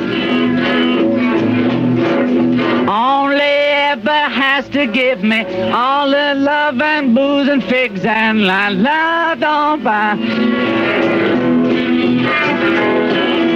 Turns me on when I get lonely. People tell me that she's only too. Yeah? Want to see this? They're playing it back with audio. No. If you want to do more, do more. I know what I look like. Like a fucking bird. En die, dat wordt allemaal opgenomen. Dat is natuurlijk fantastisch. Dat En die hebben we dat Douglas- eigenlijk? Nou ja, eh, wat ik van heb begrepen is dat ze tegen John hebben gezegd... aan het eind van deze sessie, dan krijg je het alle tapes cadeau. Dus hij, eh, het moet nu in zijn archief liggen. En, en dat, dat kan ook, want we hebben daar wel iets van, hè, eh Wiebo? We hebben wel We hebben wel wat dingen, ja zeker. Ja, ja, maar er moet dus nog veel meer zijn. Er moet veel meer zijn. Heel bijzonder materiaal. Ja. Je zou eigenlijk zitten wachten op een archive edition van deze plaat. Ja, Hè? een 1980 Ja. box. Ja, maar dat, dat hoeven we van Joko niet meer te verwachten. Nee, maar misschien van Sean. Ja, van Sean. En ik denk Ja. dat Joko eerst dood moet zijn. Ja, sorry. Ja. Ja, goed. Ehm, eh, Joko, wou ik zeggen. Eh, Anne bedoel ik. Anne, Nou, ik ben voor veel uitgemaakt in mijn leven, maar nee. nooit voor Yoko Ono. ehm, nee. ehm, Anne, vertel even het eerste nummer. Just Like Starting Over. Lekker, hè? Ja, Nou, weet, dat, dat, dat, dat stond niet, voor zover we weten, op die tapes die Jack eh, kreeg. Hè, op die Bermuda tapes. John die was daar al wel langer mee bezig. Maar hij, dat, eh, dat heeft eh, Joko niet gedeeld. En ehm, aan de vooravond van, eh, van die sessies, van die eerste sessies, ko- komen, komt de band ook nog in klein comité in de Dakota. Hè? Dan gaan ze in de, in de woonkamer ook nog even zo de laatste repetities doen, in het klein waarschijnlijk. En als ze dan ehm, door de gang lopen, als ze vertrekken. Dan gaat eh, John ook nog eventjes achter de piano staan of zitten. En dan speelt hij even een riedeltje van Just Like Starting Over. En volgens mij heet het dan ook nog Starting Over. En dan hoort Jack Douglas het. En die zegt, wat speel je nou? Dat, dat, dat ken ik helemaal niet van de tapes. Ja. Nou, en eh, eh, dat is natuurlijk heel verrassend. En, en, en Douglas die hoort direct daar ja, misschien een hitpotentie in. Of, of die, die denkt, dit, dit moet ook mee. En die zegt, dat gaan we ook opnemen. En dan zegt eh, John, van, denk je dat het goed genoeg is? En dan zegt hij, ja, dit, dit wordt gewoon eh, de eerste single. Ja. Ja. Dus dat is heel grappig hoe dat er eigenlijk nog een beetje zo... eh, op het laatste moment wordt dat nummer nog gewoon meegenomen in Ja, het project. Maar het was een ouder nummer, want er bestaan demo's van, hè? Dus, Ja. maar Ja, niet uit die eh, periode. Klopt, Ja. ja. Wat ik dan heel interessant vind, hè? John zijn allereerste nummer, eerste single, Please Please Me, is gebaseerd op Roy Orbison.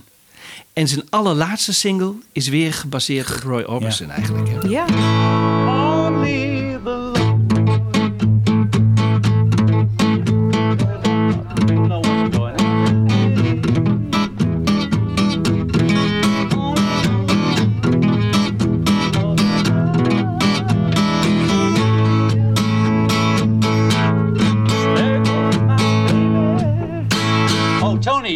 Forgot? To put the triplets on the Roy Orbison bit, going from the A to the G. Just make a mental note or a note. You know.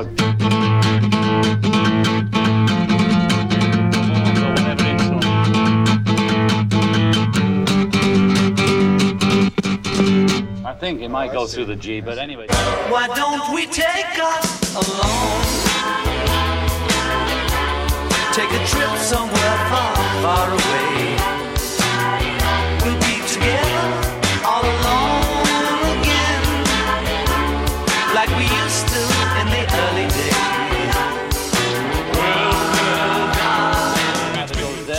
Before the last Okay. repeat chorus. On the, on the tour we did, we didn't even bring anything in until the bridge. Another beer, please. Okay. There goes my baby.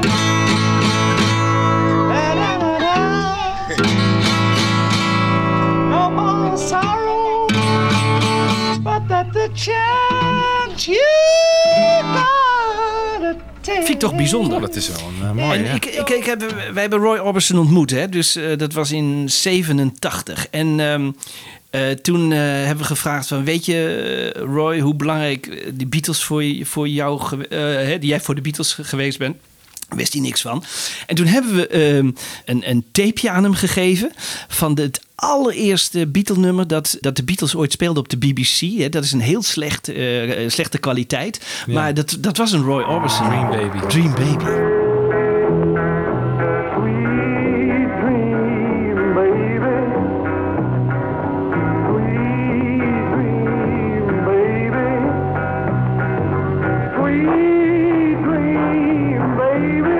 En dat, die had hij niet. En daar was hij helemaal ontroerd van. Ik vond het zo leuk. Het was nog eigenlijk voor de Traveling Wilburys. Hè? Dus eh, voordat hij... En George zal hem dat later wel gezegd hebben. Maar ik vond het zo leuk dat zo'n eh, Roy Orbison... dat eigenlijk helemaal niet wist hoe belangrijk die voor de Beatles geweest was. Dus eh, dat is aan hem voorbij gegaan. Maar hier ook. Dus John Lennon, zijn eerste single en zijn laatste single. Beide Roy Orbison. En even over die titel. Wat is daarmee over te vertellen? Het was geloof ik eerst Starting Over alleen. Maar Ja, het werd Just Like Starting Over. En dat had ook te maken met eh, dat er op dat moment ook twee andere nummers in de belangstelling stonden. Tammy Wynette had ook Starting Over. En Donna Summer had Starting Over Again. En ik weet niet zeker, maar ik dacht dat Jack Douglas ervoor heeft gezorgd dat het dan maar gewoon Just Like, hè, tussen, aanha- of tussen haakjes, Starting Over werd. Ja. Om dat niet allemaal door elkaar te laten lopen in die periode. Tony de Villio's, die zegt, ehm, hè, dit was de arrangeur, die zei van eh, de, de, de vrouwelijke stemmen die we erop hoorden, dat was eigenlijk bedoeld eerst eh, voor blazers. Hè? Dus eh, Ja. dat hebben ze later veranderd. dat Oh, vond ik ook wel interessant. Dus eh, ik, ik ben benieuwd, zou dat dan nog bestaan? Zouden ze ooit blazers of zou dat al in een vroegtijdig stadium zijn veranderd? Ja, dat weten we niet. Hè? Dat Maar dat, zou natuurlijk Nee. best kunnen dat, Ja. eh, dat het... eh, Had het nog heel anders geklonken nog weer. ja, dat had het Ja. weer heel anders Ja. geklonken. Ja. Ja, oké. En mooi ook die belletjes die eraan vooraf gaan. Hè? Ja. Dat is een duidelijke verwijzing naar eh, de zware kerkklokken uit de Mother, begin van Plastic Ono Band. Dus tien jaar eerder hè? Ja. Ja, krijg je dat hele zwaarmoedige Mother en die kerkklok inderdaad. ja, die cirkel is weer rond eigenlijk. Hè? Ja, Ja. En het is alsof hij voor- alsof hij weet, weet van dit is mijn laatste. Of gaat het te ver? Ja, ik denk dat hij meer eh, liet zien van kijk eens hoe ver ik ben gekomen en dat het nu ja, de zon Maar schijnt in mijn leven. Het is wel, ja, dat klopt. Maar het is wel grappig dat ze allemaal toch met hun erfenis ook bezig zijn. Net als McCartney neemt McCartney 2 op, weet je wel, van, van tien jaar geleden en nu sta ik hier. Ja? En, en Lennon is ook in zijn hoofd, sowieso is hij veel met de Beatles bezig. Althans, de Beatles komen heel regelmatig ter sprake in de studio met de muzikanten. Maar dit ook weer, dat hij die belletjes kiest. En dat ook nadrukkelijk bedoeld als verwijzing naar, naar Mother, want dat is geen toeval. Nee. Dat heeft Nee. al iets Ja. poëtisch. Zeker. Hij is inderdaad veel met de Beatles bezig. Want als hij de Playboy interviewde, dan gaat hij de hele Beatle-catalogus helemaal doornemen. Wie- Wat van hem was, wat van Paul Ja. was. Dus hij is daar wel mee bezig op een of andere manier. Nou, goede track hoor. Ik, eh, en een mooie eerste single. Hoe, hoe, hoe deed die single het eigenlijk in de charts, jongens? Anne, weet jij dat? Ja, Starting Over die komt dus eh, op 20 oktober uit in de VS en 24 in de UK. En blijft op, op de achtste plaats steken in Engeland. Maar goed, ja, alles verandert natuurlijk als, eh, zal veranderen als John er niet meer is. Want dan schieten al die platen van hem natuurlijk door op één. Dus uiteindelijk komt hij wel op één. En, Ja. en in de Verenigde Staten kruipt de single omhoog in de top 10. Gaat niet zo hard, maar schiet dan ook door naar de eerste plaats als eh, Ja. ja. na Ja. de moord eigenlijk. Ja. ja, ja. Maar zonder moord eh, was het geen nummer 1 geworden. Nee, maar wel een hoge notering. Ja, ja. Want Ja. Lennon was toch terug en eh, nou ja, mensen waren nieuwsgierig en eh, denk ik. Dus het, het was ook zeker geen slechte score. Nee. En wat ik nou grappig vind aan de- sowieso het hele album, maar ook aan dit nummer, is hoe allemaal, het, in, allemaal kleine grapjes in de outro's, eh, met name de laatste eh, de stukjes van nummers zitten, hoe nummers in elkaar overlopen. Het is allemaal zo geproduceerd. Hè? Eigenlijk, dat is wel, ben ik wel met jou eens, het is niet echt iets des Lennons, zoals Lennon dat normaal zou hebben gedaan. Nee. Maar in dit nummer horen we bijvoorbeeld aan het eind, was eigenlijk het plan om een eh, groot vliegtuig te laten klinken. Waarschijnlijk een beetje back in the USSR-achtig. Ja. En uiteindelijk eh, kiezen ze voor om een vrouwelijke stem te laten horen. Een soort purser van World Airlines Flight eh, with service to. Nou ja, als je dat wat harder draait, dan hoor je dus gewoon, eh, nou ja, eh, iemand, dus, dus het vliegtuig hoor je landen eigenlijk als het ware. Ja. Ja. Dus, en dat hoop- heb je op veel nummers op, op Double Fantasy. Dat ze zeker in, het mix, in de mixfase er kleine grapjes aan toevoegen. En Ja. eh, misschien dat pas in die fase die belletjes zijn toegevoegd, dat weet ik niet. Maar dat soort. Het is een heel, wat dat betreft, een heel in de, tot in de puntjes verzorgd album. Eh, Ja. ja. Ja, we zouden het eh, niet over de Yoko-tracks gaan hebben, jongens. Want eh, ja, goed, we kennen ze eigenlijk helemaal niet zo goed. Maar Michiel, jij hebt iets speciaals met Kiss, Kiss, Nou ja, Kiss, geloof ik. Kijk, ik vind, ik bedoel, ik heb niet, niet, ik heb niet Oude veel van ik heb niet veel van haar, van haar platen. Maar ik vind ook hier dat haar nummers, die, die hebben wel baat bij een band die zo strak speelt als deze band. En dat hoor je bij zo'n nummer als Kiss, Kiss, Kiss. En hoor je ook wel bij andere nummers van deze plaat. Ja, als ze dan eh, op die plaat moeten staan, laat ze dan in ieder geval goed gespeeld zijn. En dat, ik, ik vind hier hoor je het, eh, ja, het is een heel strak, lekker funky nummertje vind ik dit. eh. Kiss,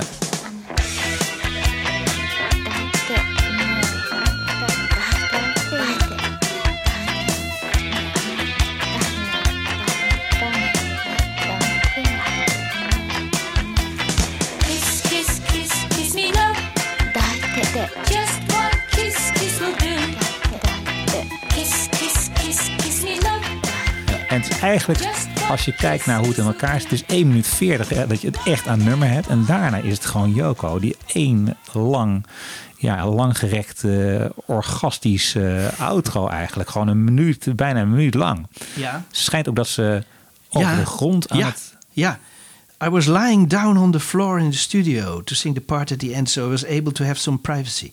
It was funny. Ja, en wat vond, wat vond men daar nou van in de studio? Volgens Ja, mij... ja, eh, heel ongemakkelijk. Heel Ja? ongemakkelijk vond, het, vond het personeel. het. Ik bedoel, de band was wel, wel, wel ehm, gecharmeerd van haar muziek hoor. Want die Earl Slick die zegt ook van, nou, wat zij deed is toch wel heel vernieuwend waar we op mee moesten spelen. Ja, maar ja, ja. wat zij verder, zeg maar, qua experimentele stijl deed eh, op die grond, dat was wat ongemakkelijk voor We waren allemaal in de controleruimte en eh, onze, eh, we, we met open gesperde mond. Het was verbazingwekkend, het was shocking. Ja. maar ook funny. Ja. Ja. het was niet de gemiddelde sessie voor die jongens, eh, denk ik. We gaan gewoon even een klein stukje eh, orgasme draaien.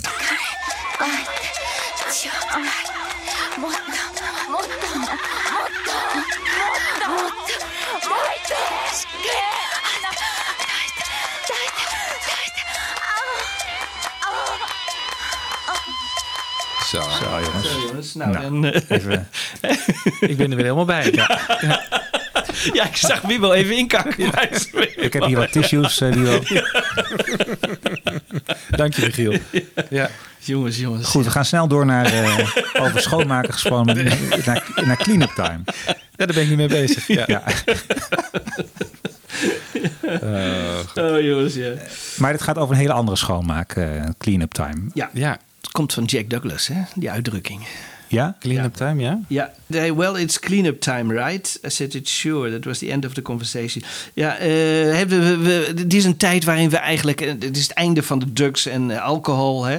Dus Jack die zei, ja, het is nu echt eh, clean-up time. Hè? We moeten ermee stoppen. En eh, de- daar Ja. was eh, Lennon het helemaal mee eens. Ja. Dit, was dit nummer al in demovorm eh, bekend? eh, vanuit Bermuda of zo? Want ik heb het idee dat het pas ja. later Ja, is. ik heb ook het idee dat het later... eh, ja, ja, ja, net, net als eh, Ja. ja. Starting Over was er natuurlijk al wel in eh bepaalde... Volgens mij niet hoor. Volgens mij is het echt daar ter plekke ontstaan. Dus ze hebben ja. die wandeling met Jack gehad en zegt van eigenlijk zegt Lennon is het dus clean-up time. En dan gaat hij achter de toetsen zitten en dan gaat hij daar een beetje dat funky... Ja, want Jack Douglas zegt ook, de, de song was eigenlijk eh, gebouwd rond de bas van, eh, Precies, hè, ja. van Tony. Tony Ja. Levin, ja. Ja, Tony Levin. Dus het is gewoon daar Ja, ontstaan. Ja, Tony die heeft een of andere iets op zijn bas, een of andere techniek die daar de hele tijd aan het oefenen is. En eh, uiteindelijk zegt John tegen hem, joh, laten we dit nummer eens een keer, begin daar nou eens mee, met, jou, eh, met jouw gepiel.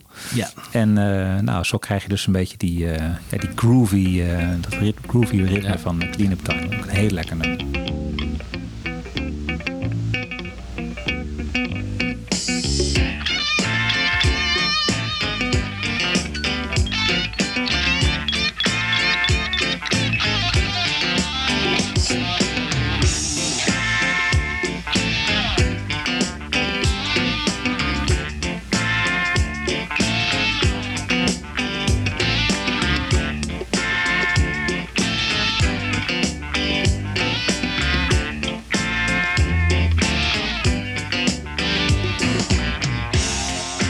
Het ook niet een beetje de sound van deze plaat die de sound van de jaren 80 inluidt eigenlijk een beetje? Dat enorm geproduceerde. Ja, maar had je dat al in die tijd? Ja, had je met Steely Dan natuurlijk ook al wel. Ook al wel hoor, ja, zeker. Paul Simon. Paul Simon, ja. Want, want, want Anne, jij hebt toch een beetje nagegaan met wie hebben deze gasten allemaal gespeeld, hè?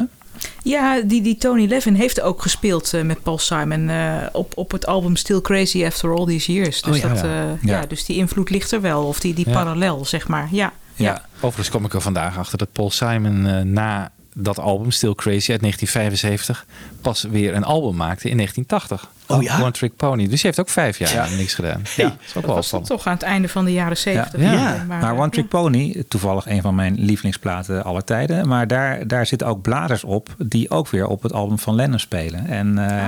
en daar dat heb je hetzelfde verhaal. Het is een hele groovy, jazzy, half Ja. jazzy sound of zo. En daar hoor je dit, dit eigenlijk ook... eh, ja, dit zou je zo door Donald Fagan kunnen laten, laten spelen. Ja. Dit nummer. Ja.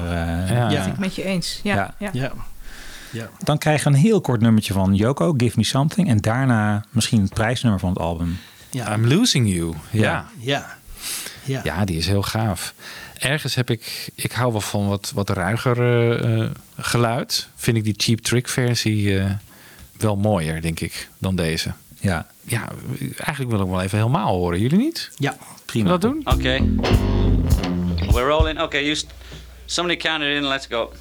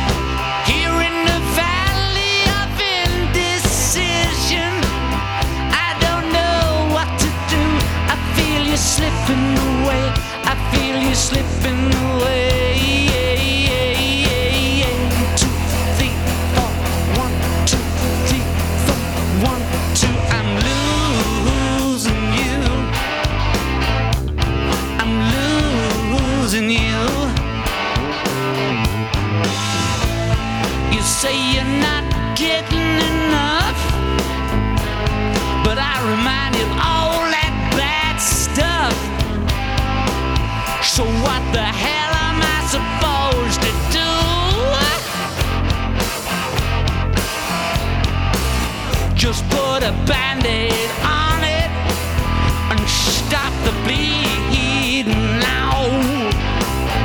Stop the bleeding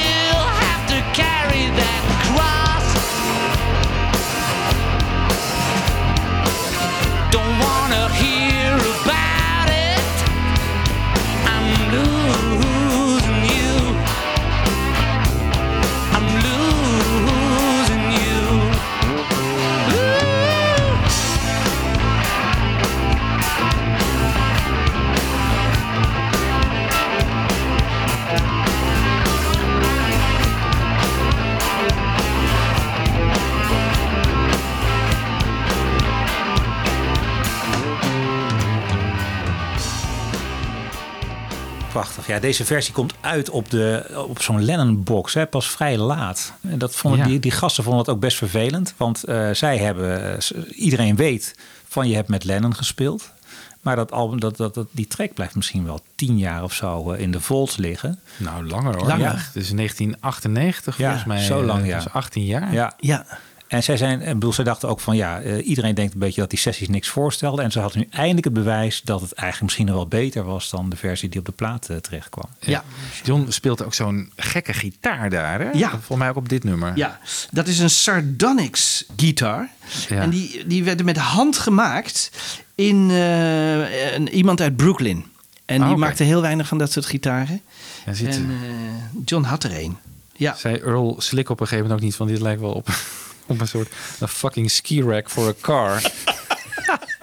Ja, het was ook een heel ongewoon ding. ja, hè? Ja, echt ding, hè? Wat een kan heel je- limited edition. Er waren er heel weinig van, inderdaad. Ja. En, en, en John schafte hem aan, inderdaad, in de muziekwinkel in, eh, in Manhattan. Ja, Het is bijna een bagagedrager voor op de auto inderdaad. Zo zag je het ook Nou, een het is vooral, het zitten twee punten, zo ijzeren punten Ja. boven Ja. en onderaan. Dat Ja. is dus niet echt gebruikelijk. Ah, het ziet er niet uit. Nee, het ziet er niet Nee. uit. Zeker niet. Maar hij had hem al langer en hij hing op zijn, in zijn slaapkamer, geloof ik, eh, van, eh, van John. Ja. Oké. Ja. John had rond zijn, want we denken altijd van hij had zijn slaapkamer eh, en dat was gewoon eh, hè, een gitaar aan de muur. Maar Jack Douglas heeft, heeft verteld dat hij in, de, in die tijd ook vaak naar John ging. En hij had die, die slaapkamer, dat was een halve studio. Hè? Ja. Dus Ja, een ja. keyboard. eh, die drumcomputer zat erin inderdaad. Een eh, theemachine hier, natuurlijk die gitaar. Hij kon van alles. Ja. Want die slaapkamer was sowieso de plek waar hij eigenlijk overdag de meeste uren doorbracht. TV aan, misschien heel zacht. Ja. En, eh, en lekker spelen. Ja. Vreubelen. Gek hè, dan heeft hij 50 kamers. En dan eh, is hij dag en nacht in de slaapkamer. Ja. Wat doet Joko al die tijd eigenlijk? Ja, zaken, zaken, zaken Ja. beneden, beneden ja. Die ging echt naar het werk. En Koeien, koeien verkopen. Ja, koeien verkopen, handelen, Ja. aandelen, eh, huizen in, in- en verkoop. Ja, die, die was druk bezig. Ongelooflijk dat je dus bedenkt dat, dat, dat John inderdaad dus ook getrouwd is met een veehandelaar rond deze tijd. De Yoku Ono. Ja, Holsteiner koeien hadden ze. Ja, was Ja. echt... eh, Maar zo kwamen ze in het nieuws inderdaad ook vaak. Van heeft hij ook alweer een koe verkocht? Ja. Ehm, wat mij opvalt, want jij zei net van ja, eh, eh, John zegt dan bijvoorbeeld van ja, speel iets meer bas zo, speel iets meer gitaar zo. Hè, hij regisseert die band ook echt. En dat is wel iets nieuws voor hem. Zo kennen we hem niet. Nee, alhoewel, jo- jongens, laten we wel. Ik bedoel, bij zijn nummers, hè, bij de Beatle-tijd. Ik bedoel, eh, zei hij wel van ook. George, doe dit of dat, doe dat. hè. Ik denk op zijn soloplaten ook wel hoor. Maar dat hij een daar- baspartij uit ging, uit ging denken. Nee, Bas was hij nooit zo. Nee, dat was hij dat zo. natuurlijk ook niet. Hè? Nee, dat hoeft Hij is wat meer van, oh, dat is een goede sound, Ja, een lekkere ja. lik, ga daarop door. Dat, Doe dat de hele tijd. Ja. Wat grappig is bij, eh, eh, bij dit nummer, I'm Losing You, zeggen juist die bandleden dat ze heel veel vrijheid van hem kregen. Dus ze vragen op een gegeven moment ook hoe snel moeten we het doen. En dan zegt eh, Lennon van, nou, wat vind je eigenlijk zelf een goede passende snelheid? En hij laat hen ook het arrangement invullen. Dus hij vertrouwt bij dit nummer ook heel erg op hun, ehm, ja, op hun eigen eh artisticiteit. Dus ja, Ja. Dat, dat is met name bij dit nummer. Er was ook iets met een morsecode hè, op het eind. Ja, ik geloof dat de overgang van I'm Losing You naar het volgende nummer, I'm Moving On, dat dus eigenlijk een soort hè, een dialoog is tussen twee nummers. Daar zit een morsecode in.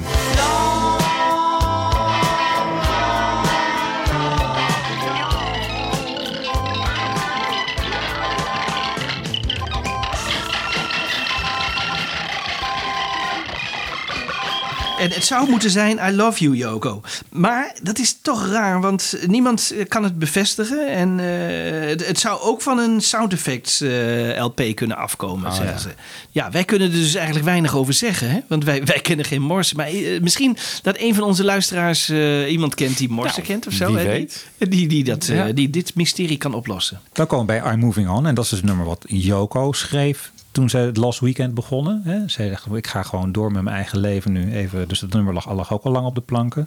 Dat, eh, dat neemt ze mee naar deze plaat. En dan het laatste nummer van kant A, Beautiful Boy. Ondertitel Darling Boy, hè, tussen haakjes. Ja, ook een prachtig nummer. Ja, echt heel mooi. Een nummer voor Sean natuurlijk, voor zijn zoontje. Ja. Ja, prachtig. Ja, fantastisch. Ja. Ik, ja. ik moet zeggen dat ik altijd een hekel heb aan steel drum. Dat zijn die, eh Ja. die eh, Ja, die- die Caribische, hoort. Maar hier dingen, vind ja. ik het op een of andere manier wel Ja, subtiel hier zit het gedaan. zo subtiel Ja. in. Hè? Ja, ja, ja. Ja. Maar jongens, ik vind hem heel mooi als je John alleen op gitaar hoort. Dat geloof ik. Hebben we die Echt, versie? Ja, die, daar hebben we een stukje. Misschien kunnen we er even een stukje naar Even luisteren. stukje, ja. Close your eyes. Have no fear. Monster's gone. He's on the run, and your daddy's here. Beautiful, beautiful, beautiful, beautiful boy. Beautiful, beautiful, beautiful, beautiful boy. Before you go to sleep, say a little prayer. Every day, in every way, it's getting better and better. Beautiful, beautiful, beautiful, beautiful boy. Beautiful, beautiful, beautiful, beautiful boy. On the ocean, sailing away. I can hardly wait to see you come of age. But I guess we'll both just have to be patient. Cause it's a long way to go. A hard road to hoe. Yes, it's a long way to go.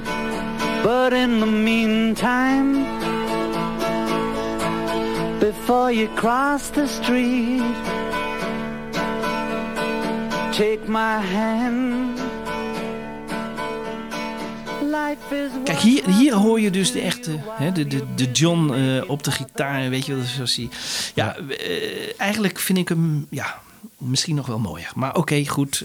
eh, dit is natuurlijk een nummer wat beroemd geworden is, ook omdat eh, McCartney het eh, als mooiste Lennon solo nummer heeft benoemd en eh, in eh, Desert Island Disc. Desert Island Ja. Disc eh, zat mee te zingen. Toen En in tranen de 82 en later mag hij het weer, weer eh, kiezen. En dan mag hij weer een soort eh, top 10 maken. eh, Ja. Voor een of ander programma. En kiest hij weer voor Beautiful Boy. Dus Ja, dat is echt... eh, Ja. Zit diep bij hem. Ja. Zit die bij hem. Ja. Ja. het is natuurlijk ook een prachtig eh, eerbetoon aan, je, aan zijn zoontje natuurlijk. Ja. Het is ook heel Ja, mooi en gevoelig. Ja, en Sean heeft het gehoord hè, in de studio. Dus eh, Ja. die was helemaal blij. Er hing ook Ja. een grote foto van Sean. Hè? Je had er dan de speakers. Tussen de speakers in, Tussen hè? de speakers een grote foto. En boven het eh mengpaneel. Ja. Sean was er gewoon altijd. Ja. En Hij, ja, hij converseert ook een paar keer met John. Laten we even die kleine fragmentjes dat John met John praat. eh, of tegen John praat eh, in de studio. Sean is here. Oh, hello, Sean. I can see you. Hello. I'll come in and say hello in a minute. Isn't it a funny place? Like a spaceship, isn't it? Did he see a picture? Okay, good, good. Ja, en ik vind het ook zo mooi hoe het eindigt. Hè? Darling, darling, darling Sean. Waarmee hij eigenlijk ook een soort universele boodschap wilde geven van... eh, beste luisteraar, hier kan je gewoon je eigen naam van je eigen kind... eh, de naam van je eigen kind invullen. En zo krijgt het voor jou ook betekenis. Ja. En natuurlijk die... eh, een van Lennon's beroemdste eh, uitspraken, of zinnen eigenlijk. Hè? Life is what happens to you while you're busy making other plans. Ja. Ja. Dat hij volgens mij ook weer ergens vandaan heeft in een Ja, bepaalde dat was ook weer niet echt van hem. Nee. Anne, vertel, vertel. Hij heeft, het, hij heeft die, eh, ik, ik weet niet wat de bron is hoor, maar hij heeft die uitspraak natuurlijk wel groot gemaakt. En eh, Ja. ik denk dat eh menige rouwadvertentie is daarmee begonnen. Of mensen Ja. gebruiken Ja. het in andere situaties. Ja. Ja, het is natuurlijk ook prachtig. Ja. Maar hij heeft het gejat.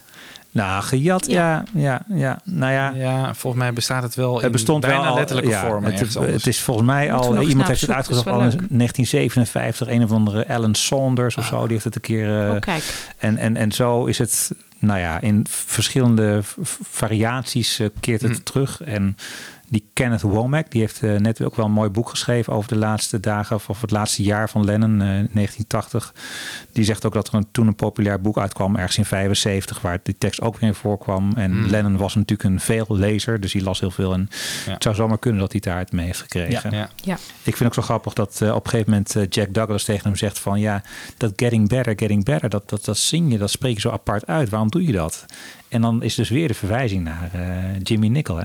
Ja, hè? Ja. Ja, hè? Hij heeft dus weer dat getting better. eh, Ja. ja. En dat zit ook weer in een, een oude nummer, I Know, I Know. Daar zit ook getting better in. En natuurlijk in eh, het Pepper nummer. Ja. Dus, ja, grappig. En Ja. toch altijd wel better hè, in plaats Ja. van better. Ja. Ja, ja. Dus wel dan die Engelse tongval eh, erin. Ja. dat is ook grappig. Ja, je hebt Terwijl ze gelijk. toch eigenlijk op een Amerikaanse manier zingen altijd in de popmuziek. Maar, Ja. Nou ja, kant B jongens. Dat Ja. vind ik denk ik misschien wel mijn favoriete nummer van de plaat. Watching the Wheels. Ja. En hier vind ik die slikke productie echt heerlijk. Ik weet niet waarom, maar Ja. ja, hier past dat heel Ja. erg goed. Maar mensen die klagen hè, dat het hier, eh, hier, waar zijn die gitaren? Ja, Dat, zijn, dat is ook wel de klacht die in de recensies hoorde. Ja. Terwijl ik het heerlijk vind, die piano, die rijke piano sound Ja. in dit nummer. ik vind dat hij het prachtig zingt ook. die Ja. nummer. Ja. Echt helemaal raak. En dan halen ze een straatmuzikant eh, erbij, hè? Ja, wat doet hij ook alweer? Playing Dulcimer. Dulcimer. Het is een gitaar die, die, eh, die eigenlijk eh, speelt op eh in kleermakers zit. En Lennon zei, ik wil een beetje een, een rond geluid horen. Een beetje een, een soort rond geluid meegeven. Want het is dus nu Watching the Wheels. Ja. En eigenlijk zou je dus een professionele Dulcimer speler moeten hebben. Want Jack dacht meteen van, nou dat is wel het soort sound wat ik zou moeten hebben. Nou, zorg eens een keer dat je, hè, dat is altijd natuurlijk typisch Lennon. Die wil gewoon een standtepede, wil die die speler het studio in hebben. Dat lukte niet. En een dag later loopt Jack Douglas loopt hij over straat en ziet daar nota bene een of andere hippie-achtige figuur, hoe heet hij? Matthew Cunningham. Matthew Cunningham. Ziet hij op straat zitten met zo'n Dulcimer. En die zegt van, wil je met mij mee naar de studio? Nou, dat is zo'n prachtig verhaal. Gaat mee naar de studio.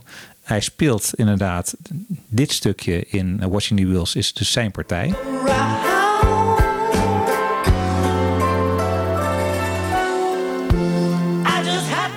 Hij speelt het in. En eh, pas een dag later, hij krijgt geloof ik 200 dollar 200 mee of zo. dollar, ja, 200 dollar. Krijgt hij eh, door van verdorie, ik heb volgens mij op een, op een Lennon plaat gespeeld.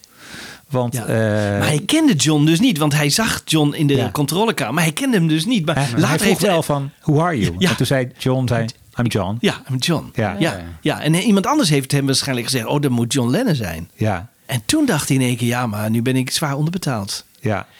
Maar toen, heeft, maar toen heeft Lennon nog een tripje naar, eh, weet ik veel, Bermuda, of zo. gegeven of zo. Met een zeilboot. Ja. Ga jij maar even door de storm. eh, ja.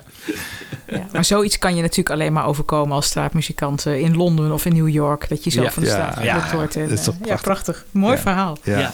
Nee, het is een... eh, gebeurde, het dacht ik ook met eh, Bridge over Troubled Water, El Condo Passa of zo. Die, die, die kwamen ook van de straat, die jongens. Die, eh, hè, Ja, die, eh, en volgens mij heeft. Dylan heeft op eh, die eh, Desire plaat heeft hij ook zo'n violist heeft hij ook van straat gepakt, Ja, weet je wel. Dus het, Ja. eh, het, eh, het- ze deden het vaker. de Ja, grote ze deden het jongens. vaker. Grappig. En wie waren, maar eh, Watching the Wheels, hè, wie waren nou de, de, de, de, de gasten, wie, wie hadden zoveel kritiek op hem? Want die kritiek die klonk wel, hè, van Lennon, eh Keel, iedereen is aan het presteren en jij zit te luieren eigenlijk. Ja. Dat is een beetje, hij probeert daar een soort weerwoord eh, tegen te geven. ja. I'm just sitting here watching the wheels, weet je. Ja. ja. Ja. No longer play the game.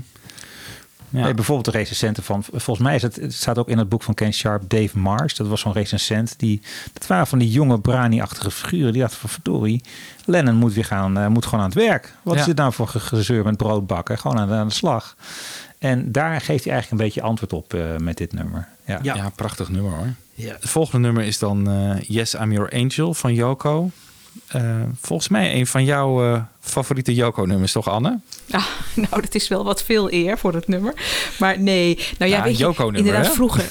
Ja, ja, als je vroeger die plaat luisterde, dan, eh, of de CD in mijn geval, dan, dan, dan drukte je door naar het volgende Lennon-nummer. Ja, ik zeg maar gewoon hoe het was. En als je dan toch nog zo'n nummer hoorde als Yes, I'm Your Angel, bleef je toch nog even luisteren. Want ik vond het nog wel enigszins toegankelijk.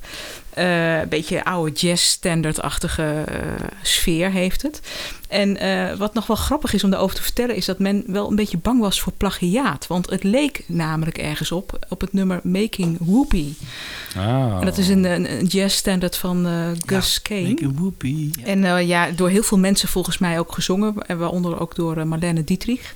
En dus er was even twijfel van, eh, gaat dit goed? Hè? Gaan we niet iets, iets op de plaats zetten waarmee we een proces eh, eh, aan onze broek krijgen? Ja, ja.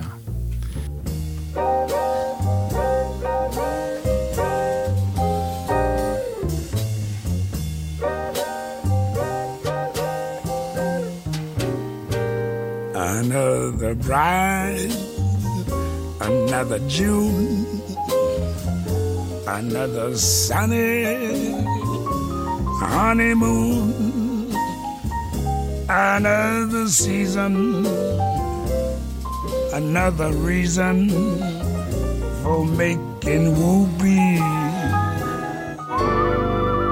Yes, I'm your angel.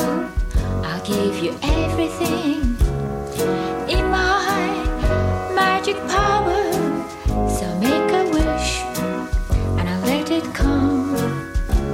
For you.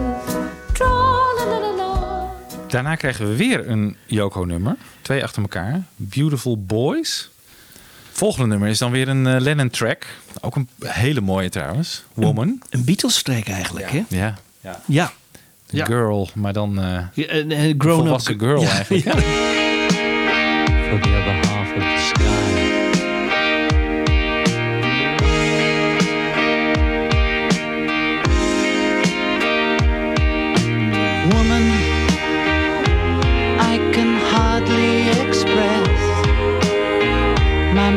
the.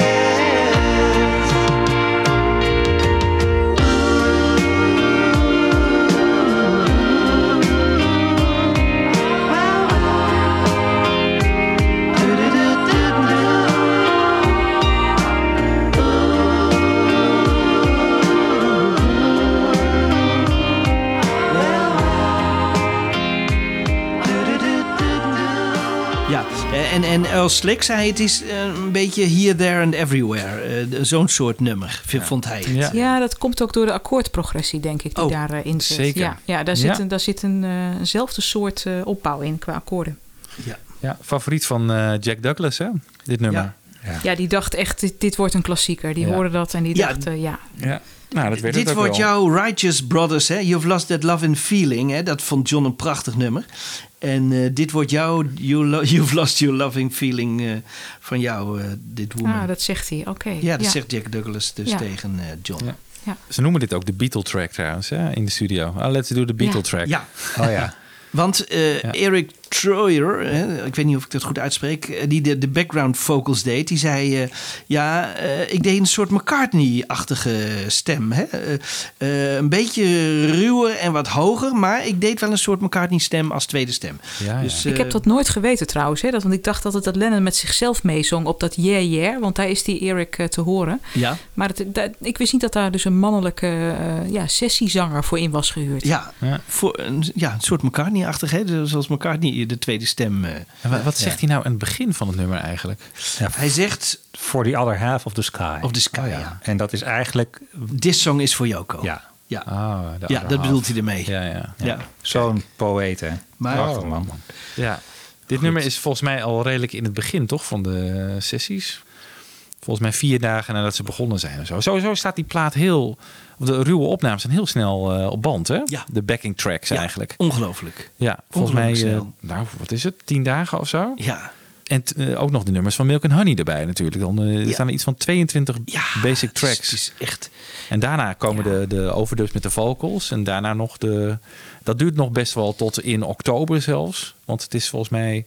Zijn ze begin september al klaar. Maar tot half oktober zijn ze nog aan het eh, tweaken en eh, Ja. Dingen mooi maken. Ja. Nou, dat, maakt dan, ja, dan, dat maakt die plaat dan waarschijnlijk ook zo verzorgd. En wat jullie zeggen ook met, eh, met al die tussenstukjes tussen die nummers, al die grapjes aan het eind. Ja, ja. Eh, maar dat die basis zo snel staat, heeft denk ik ook alles met die fantastische band te maken. Dat dat zo Ja, snel komt. ja. Want volgens mij, Woman, de eerste in vier takes stond het er gewoon op qua, eh, qua basis, zeg Ja. maar. Los Ja. van de overdubs, ja. Ja, en, en ze vonden het ook leuk, hè? Want die Lennon was natuurlijk, die, die weet precies toch wel in zijn hoofd van hoe die dat nummer wil laten klinken. Maar bij de Krijgen ze heel veel vrijheid. Gaan ze veel meer zelf lekker een beetje. En hoe, dat zegt Earl Slick ook, van hoe meer ik ging experimenteren, hoe leuker Yoko het eigenlijk vond. Eh, Ja. Dus daar kunnen ze echt de randjes op zoeken in die nummers. Eh juist de Yoko-nummers zijn in die zin misschien wat, wat spannender voor, voor eh, die muzikanten. Ja. ja. En wat ik ook nog wel een grappig verhaal vind, is dat op een gegeven moment eh, eh, moet ze. Want kijk, wij, wij presenteren natuurlijk als een soort dialoog. Hè? Dus Lennon, Ono, Lennon, Ono. Maar zo is het niet. Eh, heel lang is dat niet het idee. Het is wel het idee van het wordt een plaat waar ook het materiaal van Yoko op komt. Maar niet om en om. En dan moeten eh, Jack Douglas, John en Yoko gaan los van elkaar een. ehm, hoe noem je dat? Een tracklisting maken? Nee, de, de, de, de, Ja, de ja, ja, volgorde, de bepalen. En wat doen Jack en John? Die gaan allebei.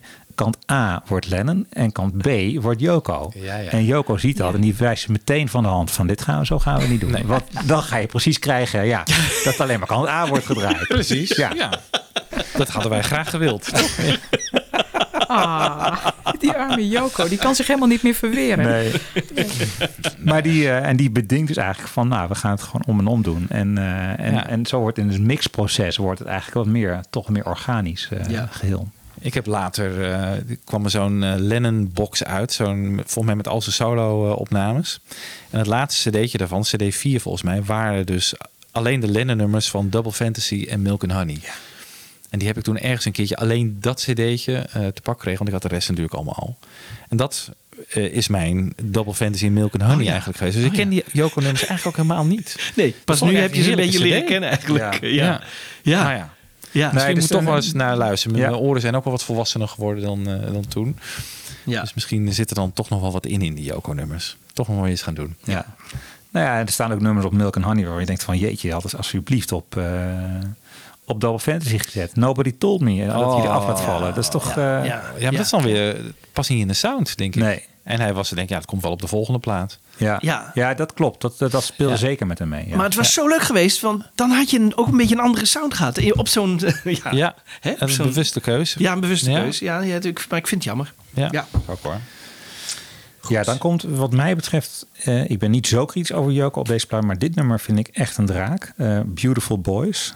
You're a beautiful boy with all your little toys. Wat ook laat zien, die teksten zijn zo plat als wat. Dus laten we maar meteen Ja. doorgaan.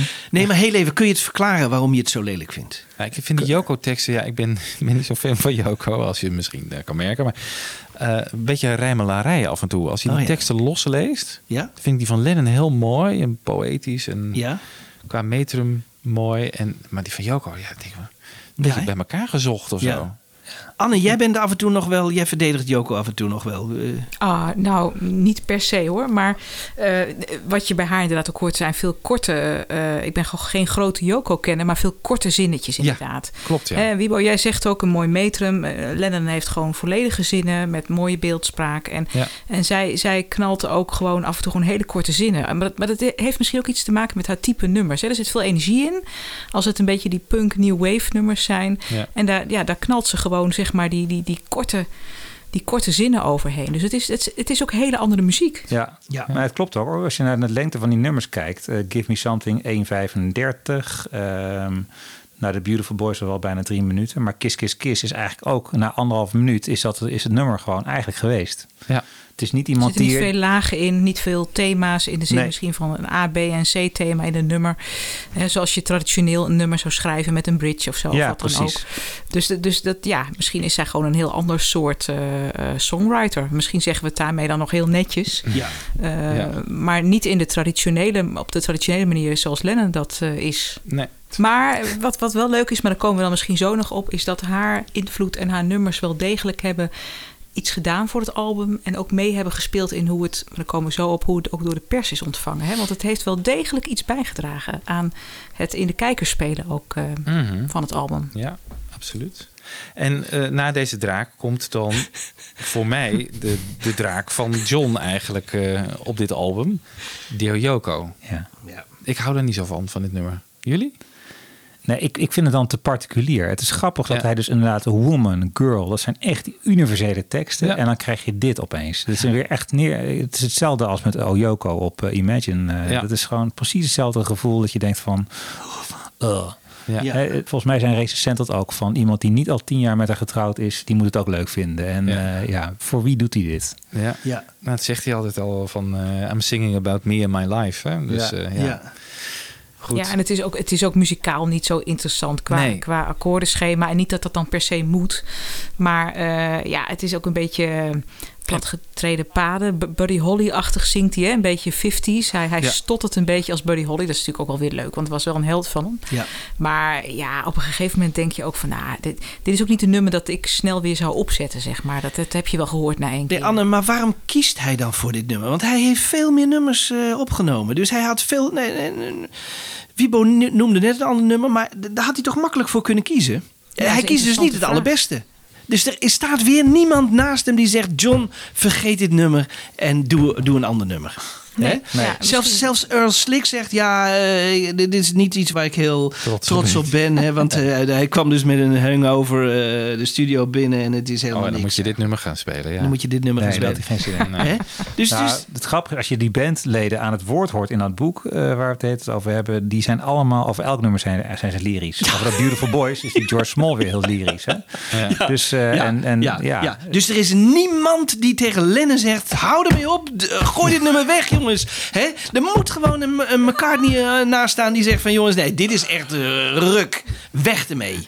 Hè? Ja, Ja, of hij een- wilde, of een hij wilde B-kantje. Joko, Ja. eh, Joko misschien pleasen, toch? eh, Het was een leuk B-kantje toch- geweest, ja. Ja, ja maar dan zelfs dat nog. Hè? Nee, het is echt. Oké. Nou ja, goed. Goed. Nou, je krijgt er van de B-kantjes erbij op de plaats. Een goede, goede deal, man. Wat zit je aan te zeuren? Nou, duidelijk geen favoriet dit nummer. Nee. Ehm, Laatste Lennon-track hè, van de plaat. Dear Yoko, ja, zeker. Want er komen nog twee van haar. Every Man Has a Woman Who Loves Him. En waar die, die John noemde het altijd... Every Man Has a Wombat Who Loves Him. Ja, dat Eh, las ik, ja. ja. En Hard Times Are Over. Ja. Ik vind dat soms wel moeilijk. eh, dat, je, dat op dit, deze plaat is zo naar de toekomst kijkend. Hè? En optimistisch. Mm. Hard Times Are Over. Het is zo'n wrange plaat op onderdelen. Ja. Ja. absoluut, absoluut. Maar ik heb het idee, dit zijn twee eh, leftovers van Yoko en die zijn maar aan het eind gezet. Hè, want ze beginnen niet deze kant met een Yoko-nummer. hè, Zo commercieel zijn ze ook wel. Hè, dus eh, Ja. hè, dit is gewoon eh, aan het eind gezet. Maar op kant A eindigt toch met twee Lennon-nummers, is het niet? Nee, ook niet. Nee. Nee? Staan er niet ergens twee Lennon-nummers na elkaar? Volgens mij wel. Dan mag Joko ook. Niet op mijn versie van de Nee. plaat. eh. Nee. Heb jij weer een, eh, Nee. Nee, een zeldzaam exemplaar te pakken, Michiel? echt niet. Nee, nee. We hebben wel een, eh, een, een gezongen versie van John van Every Man Has a Woman Who Loves Him. Die Ja, zingt dat is hij. waar. Ja. Is het niet zo dat kant A eindigt met een Lennon-nummer en kant B begint met een Lennon-nummer? Dat, zo, dat ik de Nee, CD gewend ben? Ook dat niet. Nee. Nee, hè? Zit ik helemaal fout. A, A eindigt hè, met... Er is nog wel een mooi... Hè, eh, Ja, A A eindigt met Beautiful Boy en opent toch met Watching the Wheels kant B. Ja, dat klopt. Ja, klopt. dus. Nou, oké. Ja. Nou, ja, Ja, ik heb de oké. CD-versie gewend. Ja. ja, precies. Dat zijn dan twee Lennon-nummers achter Hè, elkaar. dit, eigenlijk hadden ze met een Yoko-nummer, maar dat durfden ze niet aan, hè, om met een Yoko-nummer te beginnen. Nee. Dat, dat is Nee. echt. dus da- da- daar kun je al een beetje uit, uit afleiden dat ze daar toch ook niet eh, heel blij mee waren. Overigens is het wel grappig dat Hard Times Are Over, hè, dat, dat er een gospelkoor was die dan eh, daar me- op meezingt. En die dan op het eind zeggen: eh, We hebben nog een cadeautje voor jullie. En dan gaan ze dus echt helemaal uit hun dak met, eh, met gospelnummers. En dan zijn John en Yoko helemaal emotioneel en in tranen. Kijk, dat had ik nou wel graag willen horen. Hè? Dat gospelkoor, dat er helemaal eh, hè, voor John en Yoko Ja. helemaal uit hun dak gaan. Hè? Dat, dat, dat moet ook opgenomen zijn. Maar dat krijgen we niet te horen, jammer genoeg. Dat was een mooie, hè? op, op een cd of zo was dat een heel mooi extra nummer geweest.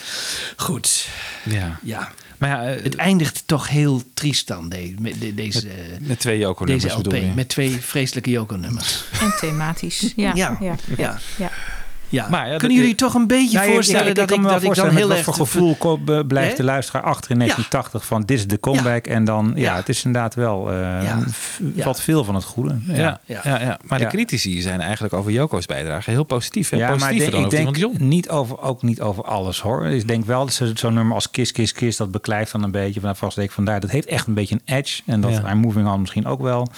Maar ze vonden vooral in haar verhouding Lennon heel erg, eh, ja, een beetje gezapig. Ja, Eh, ja, zeker. Dat is, Ja, dat middle of the road. Ja, Ja. middle of the road. Maar dat vind ik dan ook wel weer mooi om te lezen. Want Anne, jij zei er net al over, hè? Die, die, die critici zijn heel kritisch in 1980. Dat krijgt toch Ja. overwegend slechte recensies. Maar ook die critici die gaan zich achteraf een beetje achter de oren krabben van... eh, hmm, misschien wel iets te... Ja, nee, er worden ook volgens mij eh, stukken die nog in voorbereiding zijn, die worden ook teruggetrokken na de, na de moord. Dus eh, de- Ja. de- Mm. dat vinden ze toch ongemakkelijk om dan alsnog ja, dat Ja. te delen. Ja. Ja, Maar ook Anne, het lijkt wel of je dus niet kritisch mag zijn na de, na de dood van Lennon eigenlijk. Nee, ja, of, of iedereen was toch zo dermate onder de indruk Ja. dat, dat ze het zelf ongepast vonden of zo. Ik kan me er ook wel weer iets bij voorstellen. Jawel, ja. Eh, maar hij kreeg, eh, of ja, de wind van voren. Maar er werd wel gezegd dat hij inderdaad gezapig was. En eh, die, die Charles Murray van de NME, die zei ook van... zoiets als als je niks te zeggen hebt, zeg dan niets. Ja, Hè? Eh, ja. Blijkbaar mocht hij niet zingen over zijn huwelijksgeluk... of Nee. over zijn huiselijke sfeer. Nee. Want eh, ja, ze waren een hele andere Lennon natuurlijk gewend. Ja. Van enkele jaren daarvoor, ja. Ik vind het wel grappig dat je Charles Char Murray noemt. Want die heeft later in 19... eh, volgens mij in 2010 of zo, rond die tijd... heeft hij een soort... eh, heeft hij een nieuwe recensie geschreven van het album. Hij is zelf nu ook ouder geworden. En Ja. eh, komt hij echt tot een herwaardering van het album. En Ja. dat vind ik ook wel weer veelzeggend. Want het, natuurlijk is het Lennon die, eh, die vindt op deze manier geen aansluiting bij de, de punkgeneratie, om het zo maar te zeggen. Of de spannende Nee. New Wave gasten. Maar wel bij, bij een generatie huisvaders. Dus de, de, als je in die fase van je leven zit, dan kan je voor dit type songs ook meer waardering opbrengen. Ja. Dus, Ja. dus die rec- recensenten hebben zelf ook een soort ontwikkeling doorgemaakt. En kijken nu terug op zichzelf en dachten van ja, ik kan er wel inkomen dat ik toen dat zei, maar ik ben inmiddels is mijn smaak ook, eh, is Ja. in mijn leven ook verder gegaan. Ja. Ja, En- dat is heel fair eigenlijk, Ja. hè, dat Ja. je dan eh, daarop terugkomt. eh, Ja, ja. wel chic dat hij dat gedaan heeft. Ja. ja. Maar hechten ja. we af Maar ik vind, ik vind het wel grappig dat dat, dat contrast tussen. eh, kijk, wij, wij bespreken die plaat nu met ja, toch misschien iets meer gevoelens van warmte voor die Lennon-nummers dan voor die Ono-nummers. En dat dat dan anders, zeg maar, uit die eerste recensies kwam. Dat dat Yoko toch als heel interessant werd gezien. eh, waarbij natuurlijk jaren daarvoor ook heel erg op haar werd afgegeven. Dus het Mhm. bewijst ook wel dat de wereld blijkbaar toch wel iets meer klaar voor haar was. Zoals Ja. Lennon dat ook zei hè, in die disco eh, Ja. In Ja. eh, Bermuda. Dus Ja. ja. daar heeft hij wel een beetje gelijk in gekregen. Ja. Aan de andere kant geven wij die, die critici ook niet af en toe te veel credits. Want eh, hè, ik weet nog dat, dat, dat Abbey Road ook door de New York Times helemaal werd afgeserveerd. Dat, dat het niks was en zo, weet je. Dus, dus, Ja, en eh, Ram, hè? Ja, ja, Ook. ja, Ram, ook. ja. Hè, dus dus eh, het is af en toe een mening van één iemand. Ja, precies. En het wordt heel groot dan En het wordt heel groot. En Ja. dat wordt steeds herhaald, inderdaad. Ja, en het Ja. wordt steeds herhaald. Ja. Ja. Want het album wint eh, na de dood van Lennon ook nog een eh, Grammy Award. Ja. Album of the Year zelfs. Niet terecht. Niet, nee, ik denk dat... Nee, nee, dat is niet Daar zit ook een boel emotie Tuurlijk. bij. Ja, ja, dat snap je wel. eh, Ja. Een soort oeuvre-achtige waardering die ze hem dan toch misschien nog postuum willen geven. Ja. Precies. Ja. Precies. Ja. Ja. Want het doet het commercieel wel aardig, maar eh, nou ja, geen nummer één plaat, ook geen nummer één hit voor Just Like Starting Over. Eh, Nee. Vind ik ook alweer grappig om te zien dat Lennon eh, dan, want Joko zegt dat, hè, van, die komt dan met geloof ik de cijfers thuis van hoe vaak het verkoopt en zit er nog een beetje, gaat hij nog stijgen? Zeg maar, dat is altijd een beetje de vraag als muzikant en dan blijkt het niet zo te zijn. En dan zegt hij van, it's okay, we still have the family. Dus dan Ah. ook wel ontroerend. Ja, Ja. veelzeggend. Ja. Ja. Ja. Want Ja. in Engeland haalt hij, komt hij binnen op 14 en zo. En daarna zakt hij terug naar 46. Ja. Dus dat, ja, Ja. voor een comeback-plaat is dat Is toch dat wel- heel slecht. Is dat slecht, ja. Ja, zeker voor John Lennon. En nummer 11 in eh, Amerika. En na de dood natuurlijk dan. eh, Ja, dan allemaal op het één. allemaal. Ja. Ja. Maar hij wilde hij nou gaan toeren met deze plaat? Ja. Of, of had hij dan toch het idee, we gaan wachten tot, er, tot we nog een plaat hebben opgenomen? Nou, hij had Ja. natuurlijk die tweede, hè, had hij ook al in gedachten. Dus, eh, Ja, na die tweede plaat wilde hij volgens mij gaan toeren. Daar waren Ja. echt al plannen voor. John had ook al een soort stage eh, design gemaakt met eh, grote kraparmen, geloof ik, of iets dergelijks. Eh, en in interviews met alle bandleden en met Jack Douglas eh, hoor je inderdaad dat er gewoon plannen waren. Dat hij ook I Wanna Hold Your Hand eh, Ja. in, een, in een andere versie wilde gaan spelen. Laten we ze nu goed doen, weet je wel. Want hij was eigenlijk heel ontevreden over, ja, over alle Beatle-opnames. Beatle-nummers. Ja. Ehm, Ja. Nee, het- en hij informeerde ook hè, naar eh, wat de beste Britse concertpromotors waren. Als hij naar Engeland zou gaan. Bij die Oh. Andy Peebles, hè, die, die Britse die Ja. BBC-DJ die die nog spreekt Ja. kort voor zijn dood. In dat grote interview. Dan gaan ze daarna nog eten. En dan gaat hij bij die Peebles ook zeggen van... Wat, wie kun jij mij eigenlijk eh, adviseren als ik eh, naar Engeland kom... die goed, eh, ja, een goede promotor is voor mij. Ja. Dus hij, dat is echt heel serious business voor hem. Oh ja. Ja, dat. En hij informeert ook bij, volgens mij, die mensen die dan met Paul Simon hebben getoerd. van hoe lang is een show eigenlijk tegenwoordig? Hoe lang duurt zo'n concert? en eh, dan zeggen ze van nou, is meestal één uur en een kwartier. Dan is een korte pauze en daarna is nog een keer een uur en een kwartier. En Lennon schikt zich gewoon helemaal eh het leplazen. Hij Oh, ja? van, what the krijgen we nou? In de Beatles-tijd was, was je met 40 minuten klaar. En toen zegt die gast ook van ja, maar daar zijn we dus mee gestopt na de Beatles. Hè? ja. Ja, gewoon McCartney die nu drie uur achter elkaar speelt. Maar hij was ook zelfs van plan volgens mij om Beatles materiaal te gaan spelen. En Zeker. misschien zelfs I Want To Hold Your Hand in een beetje een edgy eh, Ja. andere, een, Ja. een nieuwe versie. eh, ja, klopt. Hij speelt. Strawberry Fields ook daar met een akoestische gitaar voor de jongens. En zegt, zo moet het klinken, zo wil ik het opnieuw opnemen. ja. ja. Hij heeft allemaal... eh, God, man, dat is doodzonde hè, dat we dat niet hebben eh, mogen meemaken. ja, ja. Ja, Hopelijk komen nog eens die tapes naar buiten. Ja, hè, die, dat die zou wel, eh, allemaal dat zou in die studio in die tijd zijn opgenomen. ja.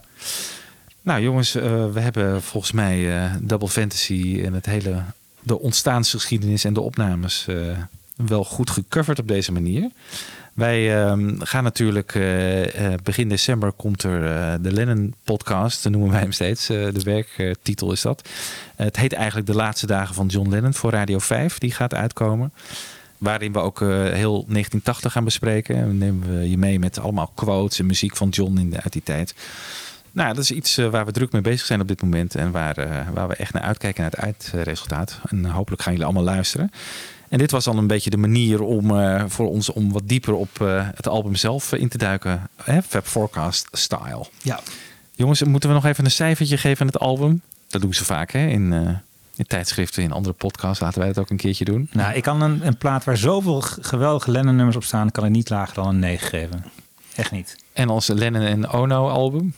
Ook nog steeds. Ik, bedoel, ja, ja, ja, ik blijf erbij. Ja, ja. Maar dan zijn er toch heel weinig... Nou ja, goed. Hè, naar verhouding weinig Lennon-nummers. En Want hè, je, ja, het had meer in gezeten. ja, maar, je eh, moet eigenlijk met een halve LP ge- ja. tevreden maken. Nee, ik ga er geen 5 voor geven. Dat zou ik echt eh, belachelijk vinden. Ja, nee. Ik geef een 6. Een 6? Ja, een 6. Dat is vrij laag. Ja, ja, ja, ja maar Ja. je weet, ik, ik, ik, ik, ik vind het had anders geproduceerd moeten worden. Hadden andere keuzes gemaakt moeten worden. Hier had Nou, veel meer toch een keertje die stripped-down versie uit de kast trekken. Heb je die? Eh, nee, maar eh, ik, ik, ik, ik, ik word er nu wel benieuwd naar. Ja. Ja. Nou, ja, maar jij jullie, keer- jij hebt ook gezegd, Wibo, dat er niet heel groot verschil is met... eh, Jawel, het is wel een groot verschil. Oké. Jawel. Oké, nou dan ga ja, ik het klinkt veel meer. Je hoort echt eh, gewoon de basic instrumenten eigenlijk veel minder gelikt. En je hebt minder eh, double track. Dus je meer, Ja. meer alleen maar de stem van een enkele Lennon. Heel het is een verschil. Ja. Ook de Yoko-nummers zijn uitgekleed. Oké, en ook eh, de alle Milk and Honey... eh, Nee, die niet. En soms hoor je grappige grapjes zoals dit einde van Dear Yoko. We laten eerst even het begin horen van hoe het op Double Fantasy klinkt. En daarna hoe Lennon praat op eh Strip Down. When you come over next time, don't sell a cow. Spend some time with me and George if I can get in the I'm having a lovely time. Clothes, went out to the restaurant, had a great meal, and then threw it up because I felt sick. Swimming every day, the water's 190 degrees. The houses are all pink and blue, and the street's very quiet, and there's no dirt anywhere. It's really quiet. There's just a lot of ships and things, and it's right by the water, and you can really see a fantastic view. And anyway, now we're going to have this painting painted of me and Sean, but I'm not going to tell you till I get home, so I won't write this on the postcard, but by now you'll have found out because I've already had it done. It's hanging up in your office, right? That's true, but on the other hand, I'd just like to mention it here for the Thank you. Nou, dit soort leuke grapjes hoor je ze allemaal op Oké, Strip Down. dat is leuk. versie. Ja, dat is heel leuk. Dus Jan Kees gaat hem luisteren. Ik ga hem zeker luisteren. Ja. Ja, ja, ja. En Anne, eh, wat geef jij het eh, album voor cijfer? Ja, een, een, een dikke acht met een strik erom. En dan heb ik het ook wel echt natuurlijk over de Lennon-nummers. Maar eh, Ja. ja, een hele fijne, warme plaat waar ik eh, echt, echt geen hekel aan kan hebben hoor. Nee. Wibo. Ja, ja ik eh, ga voor de 8 min. Ja, ja. Dat is mysterieus. Lennon nummers ook Ja, hoor. ja, ja, ja, ja. Dear Yoko, dat vind ik toch echt heel jammer dat die erop staat. Maar de rest, ja.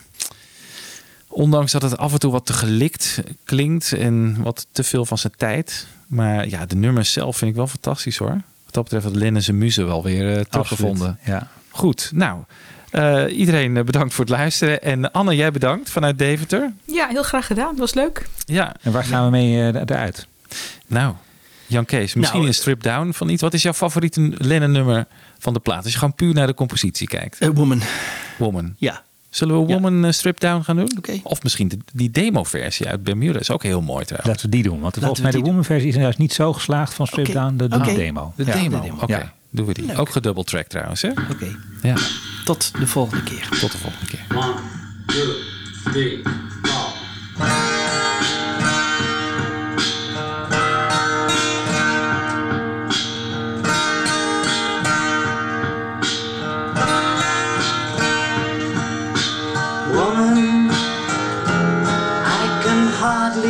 Express my mixed emotions at my thoughtlessness.